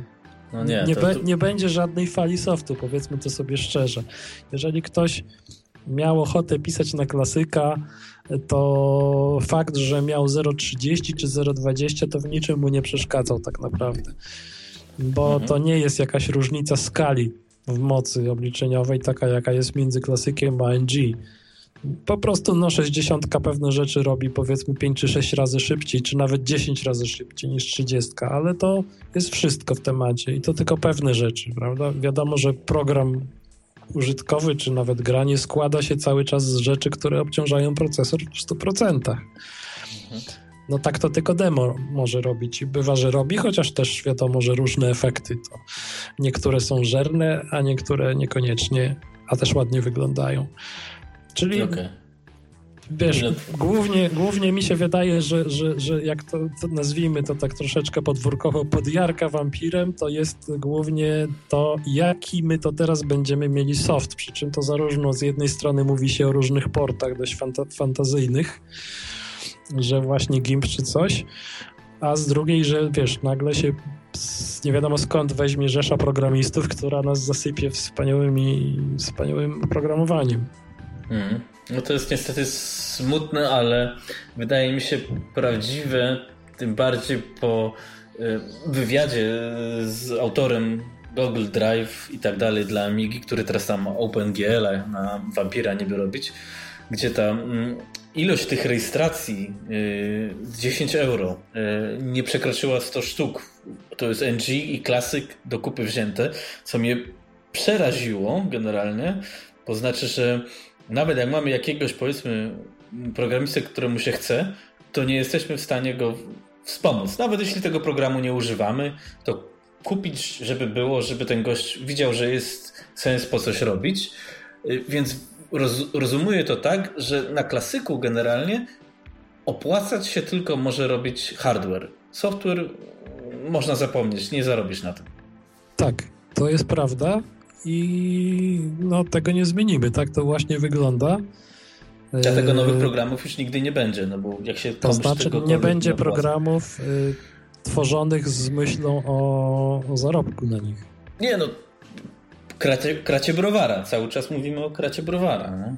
no tak, ale wiesz, nawet takim. Znaczy, no wiesz, 100 rejestracji to chyba na kratę browara wystarczyło, nie? Ale on nie osiągnął nawet tego. Nie mówił mi Aha. ile, tylko wiesz, on się spodziewał, że to, to osiągnie i pamiętam jak wypuścił te, te, te, te handlery dla, dla Google i Dropboxa i na klasyka i wszyscy chcieli, żeby to poszło na NG i ogólnie pianie na forum i polskim i zagranicznym, rewelacja.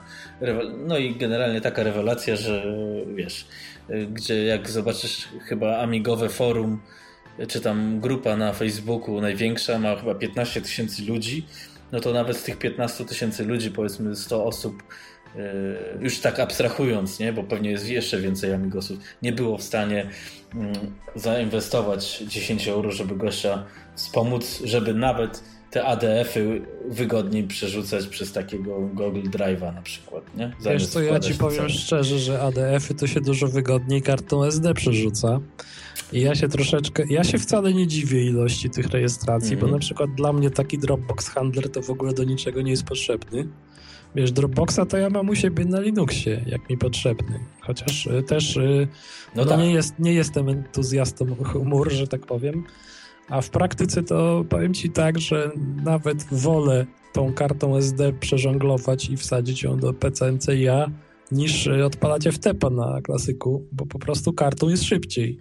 No to ja ci powiem tak, no to jakbyś nie musiał wkładać tej karty, tylko miałbyś Wi-Fi wrzucone i miałbyś tego Dropboxa, no to byś sobie po prostu przegrał. Nie musiałbyś... No wiesz, wiesz... ja musiałbym odpalić stos TCP przede wszystkim.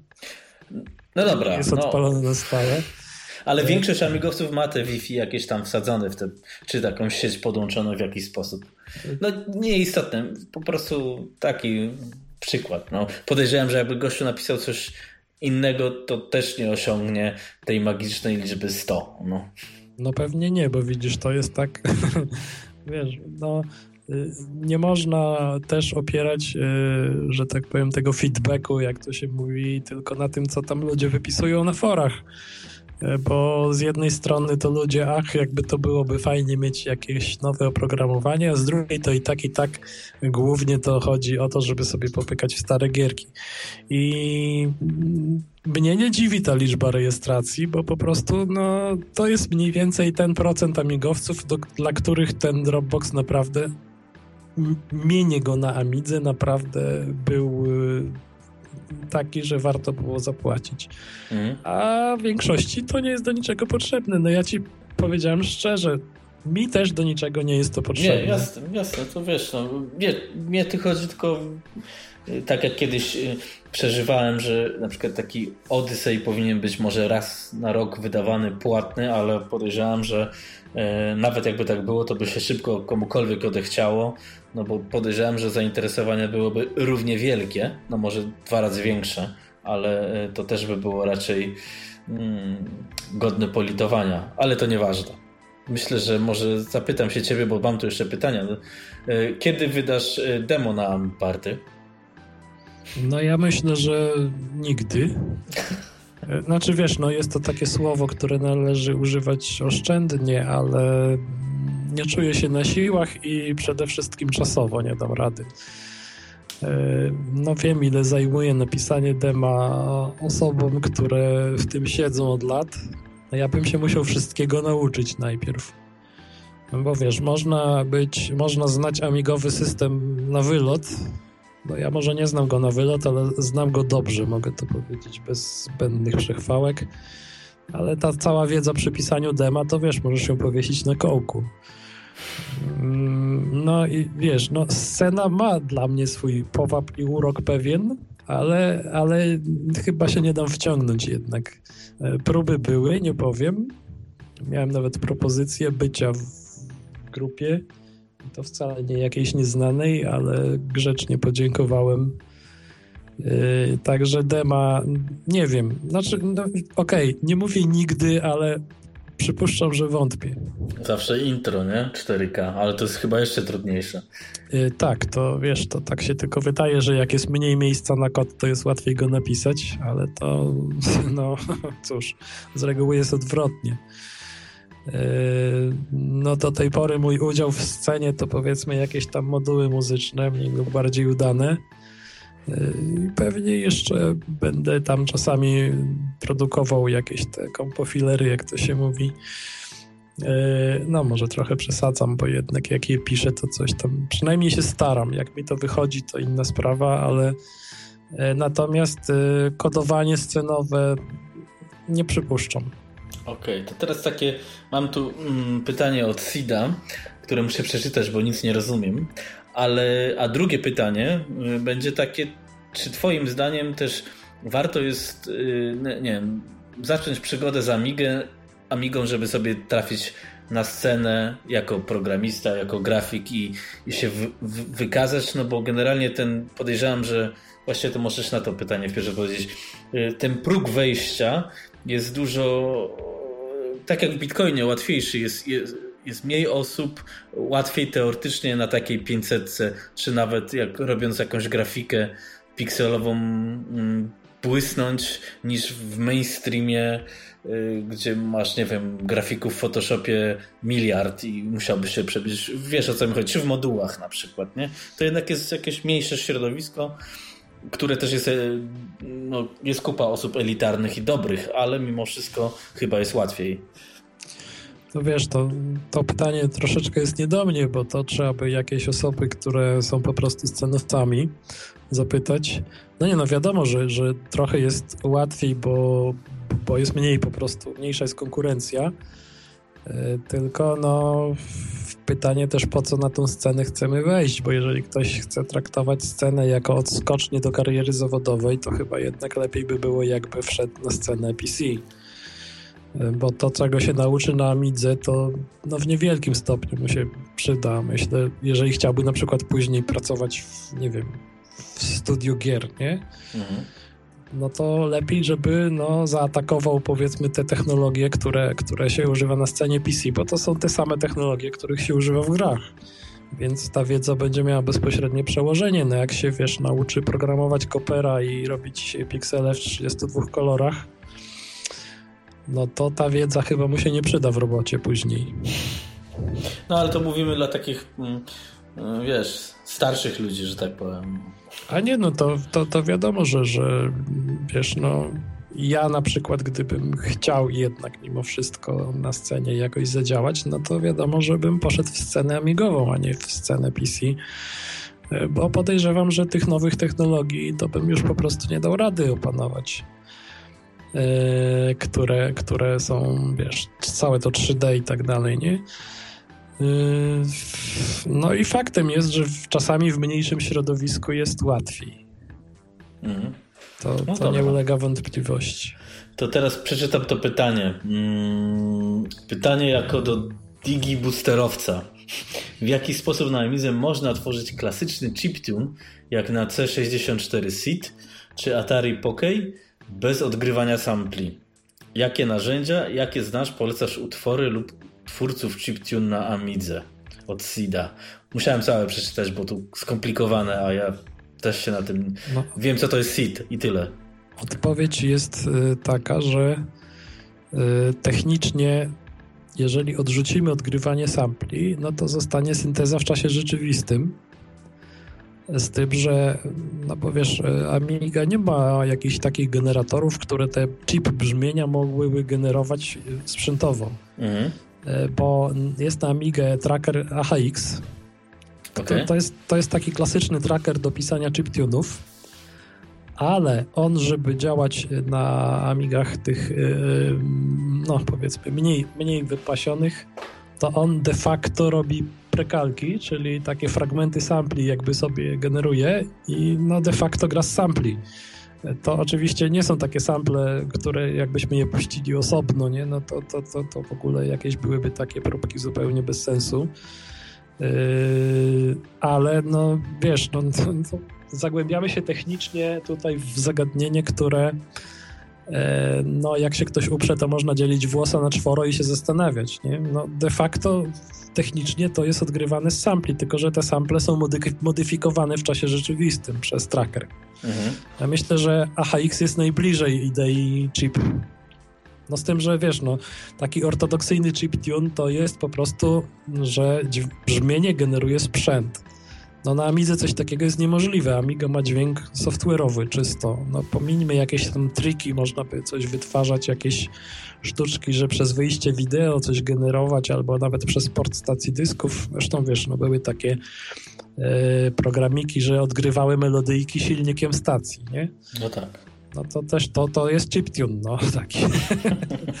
Natomiast e, jeżeli mówimy o czymś, o takim po prostu tworzeniu muzyki, czyli temat chiptune i Amiga, to według mojej wiedzy to odpowiedzią na to jest AHX. Z tym, że to nie jest e, tak do końca chiptune, bo jednak te sample gdzieś się tam pojawiają. No Paula odgrywa strumień próbek, więc skoro próbki, to i sample. E, można oczywiście pokusić się o całkowicie syntezę w czasie rzeczywistym, ale to wtedy już trzeba mieć trochę szybszą amigę. No i myślę, że dlatego ten kierunek, powiedzmy, no, nie wstawisz takiego motka, który wymaga 40 sam po to tylko, żeby się otworzyć do dema, nie? No bo on ci zje połowę procesora. Także ten, no to głównie interesuje taka synteza tych twórców właśnie bardzo krótkich y, produkcji, czterokilówek i tak dalej, no bo tam musisz to wyliczyć. Nie możesz mieć sampli, bo nie ma miejsca. No tak, to fakt. No dobra, ja myślę, że mm, dobrnęliśmy do końca, bo już mamy prawie 3 godziny. No to będziesz no, musiał coś będzie wyciąć. Mm, no ale to wiesz, tak wartościowy materiał, że tu prawie nie ma co pociękować, więc poza tą katastrofą, co Skype nam przez chwilę, znaczy tam router. Nie, to mój router super TP-Link. To tam jest tam niewiele co do wycięcia, e, więc nie wiem, ja już chyba się zapytałem o wszystko, e, co chciałem. Czy chciałbyś coś dodać w ogóle?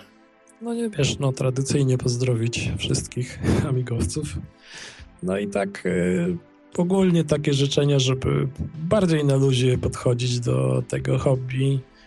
E, na forach tak jakoś bardziej się wyluzować, bo czasami no, no, łatwo jest, zwłaszcza jeżeli się z kimś nie rozmawia twarzą twarz, tylko klawiatura kontra klawiatura, to czasami z, z, łatwo jest dać się ponieść niepotrzebne. Jakieś później są flameware'y i tak dalej. To wirtualna krew leje się. To teraz pod tym elboxem się ta krew chyba leje no to wiadrami. Tak, to tam jeszcze tam pod elboxem to w miarę to w miarę to spokojnie się odbywa. Yy, więcej luzu po prostu. No.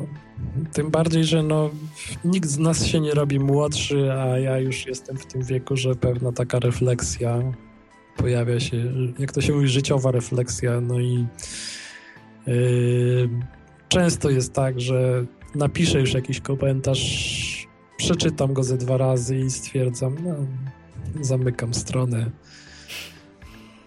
To, to, to jest dobre podejście, mi się wydaje, bo naprawdę no, czasami nie warto, coś takiego się chce powiedzieć, że... No, wiem o co chodzi. Też niekiedy tak mam, a niekiedy nie wytrzymam. Eee, słuchaj, może jak ktoś chciałby e, Cię poznać, chociaż wątpię, żeby ktokolwiek Cię nie, nie znał, ale mm, no, pewnie będziesz na Ami Party, ale będziesz na jakichś jeszcze innych imprezach, planujesz? Znaczy, no ja mam dość bogaty plan w tym roku. Yy, będę na The Crunchu. Mhm. Wrocław? tego, tak, we Wrocławiu. To jest bodajże 2-4 czerwca, o ile dobrze pamiętam.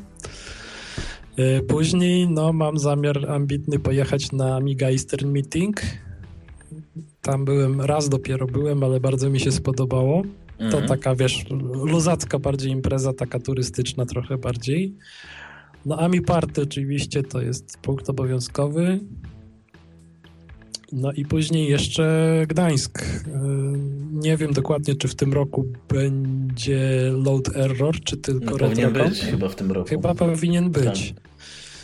Więc no to te cztery imprezy to takie są w zasadzie no prawie pewniaki, wiadomo jak to jest z planami.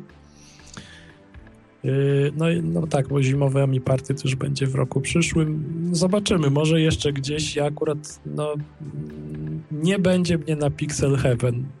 No bo to niedługo.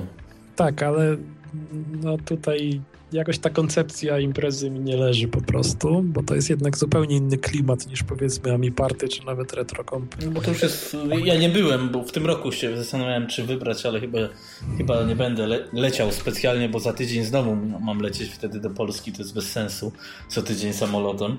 Mm, ale to już jest chyba bardziej komercyjna impreza, aczkolwiek może dla twojego biznesu ma to jakieś znaczenie, żeby się, wiesz, yy, promować jako znaczy, wiesz, twórca.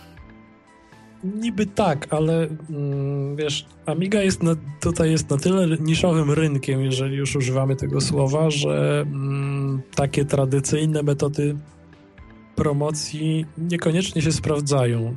Wiesz, jednak mm, najwięcej chyba daje właśnie bywanie na forach yy, na grupie tej facebookowej, o której wspomniałeś no i też troszeczkę ostatnio mm, sponsoruję nagrody na, na, na, różnych imprezkach. Na The Crunchu na przykład będzie można coś mojego też wygrać mhm. e, w kompos. E, natomiast wiesz, wystawianie się na jakichś takich dużych imprezach, no to trzeba mieć rynek dla masowego odbiorcy. Y, a ja, no, znaczy produkt dla masowego odbiorcy, a ja no, nie mam produktów dla masowego odbiorcy i chyba raczej nie będę w tym celu, w tym kierunku zmierzał, bo no, ta firma jest takim przedłużeniem hobby i chciałbym, żeby to tak zostało, także jakaś ekspansja e, taka nadmierna to niekoniecznie. No tak, ale to, to rozumiem, tylko y, y, czy to nie jest tak, że ten powiedzmy jakaś grupa amigowców, czy ludzi powracających do między innymi do Amigi jednak się zwiększa i teoretycznie u tych nowych ludzi jesteś nieznaną osobą, nie?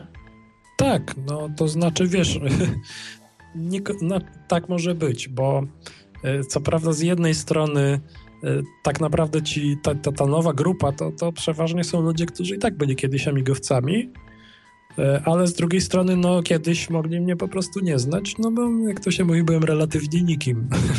No, może bez przesady, ale pamięć jest zawodna. No to znaczy, wiesz, jeżeli ktoś na przykład odszedł od Amigi w roku 95, to to mnie nie znał. No to tak, po prostu. w tym momencie to się zgadza. E, okej, okay. no to ja myślę, że już naprawdę jest tak, elegancko. bo to będzie takie długie, że jak ktoś zobaczy, to w ogóle nie będzie... No, to, to, ty mówiłeś, że nie lubisz długich odcinków chyba No właśnie. No ale, ale, ale jest pauza. Ja nie rozumiem tego problemu. Czemu nie można pauzować? Znaczy nie, to wiesz, tak tam, tak trochę przesadziłem, że nie lubię. Nie zawsze jest czas, żeby usiąść i dwie godziny. Natomiast na, na Ami Wigilię czas się znajdzie, także spoko. Z interesującym gościem, a na ogół no chyba zawsze mam interesujących gości, chyba że permanentnie gadam ja i Adam, e, no to ciężko się powstrzymać, żeby e, krócej, wiesz, e, wyszło niż przysłowiowa godzina czy dwie.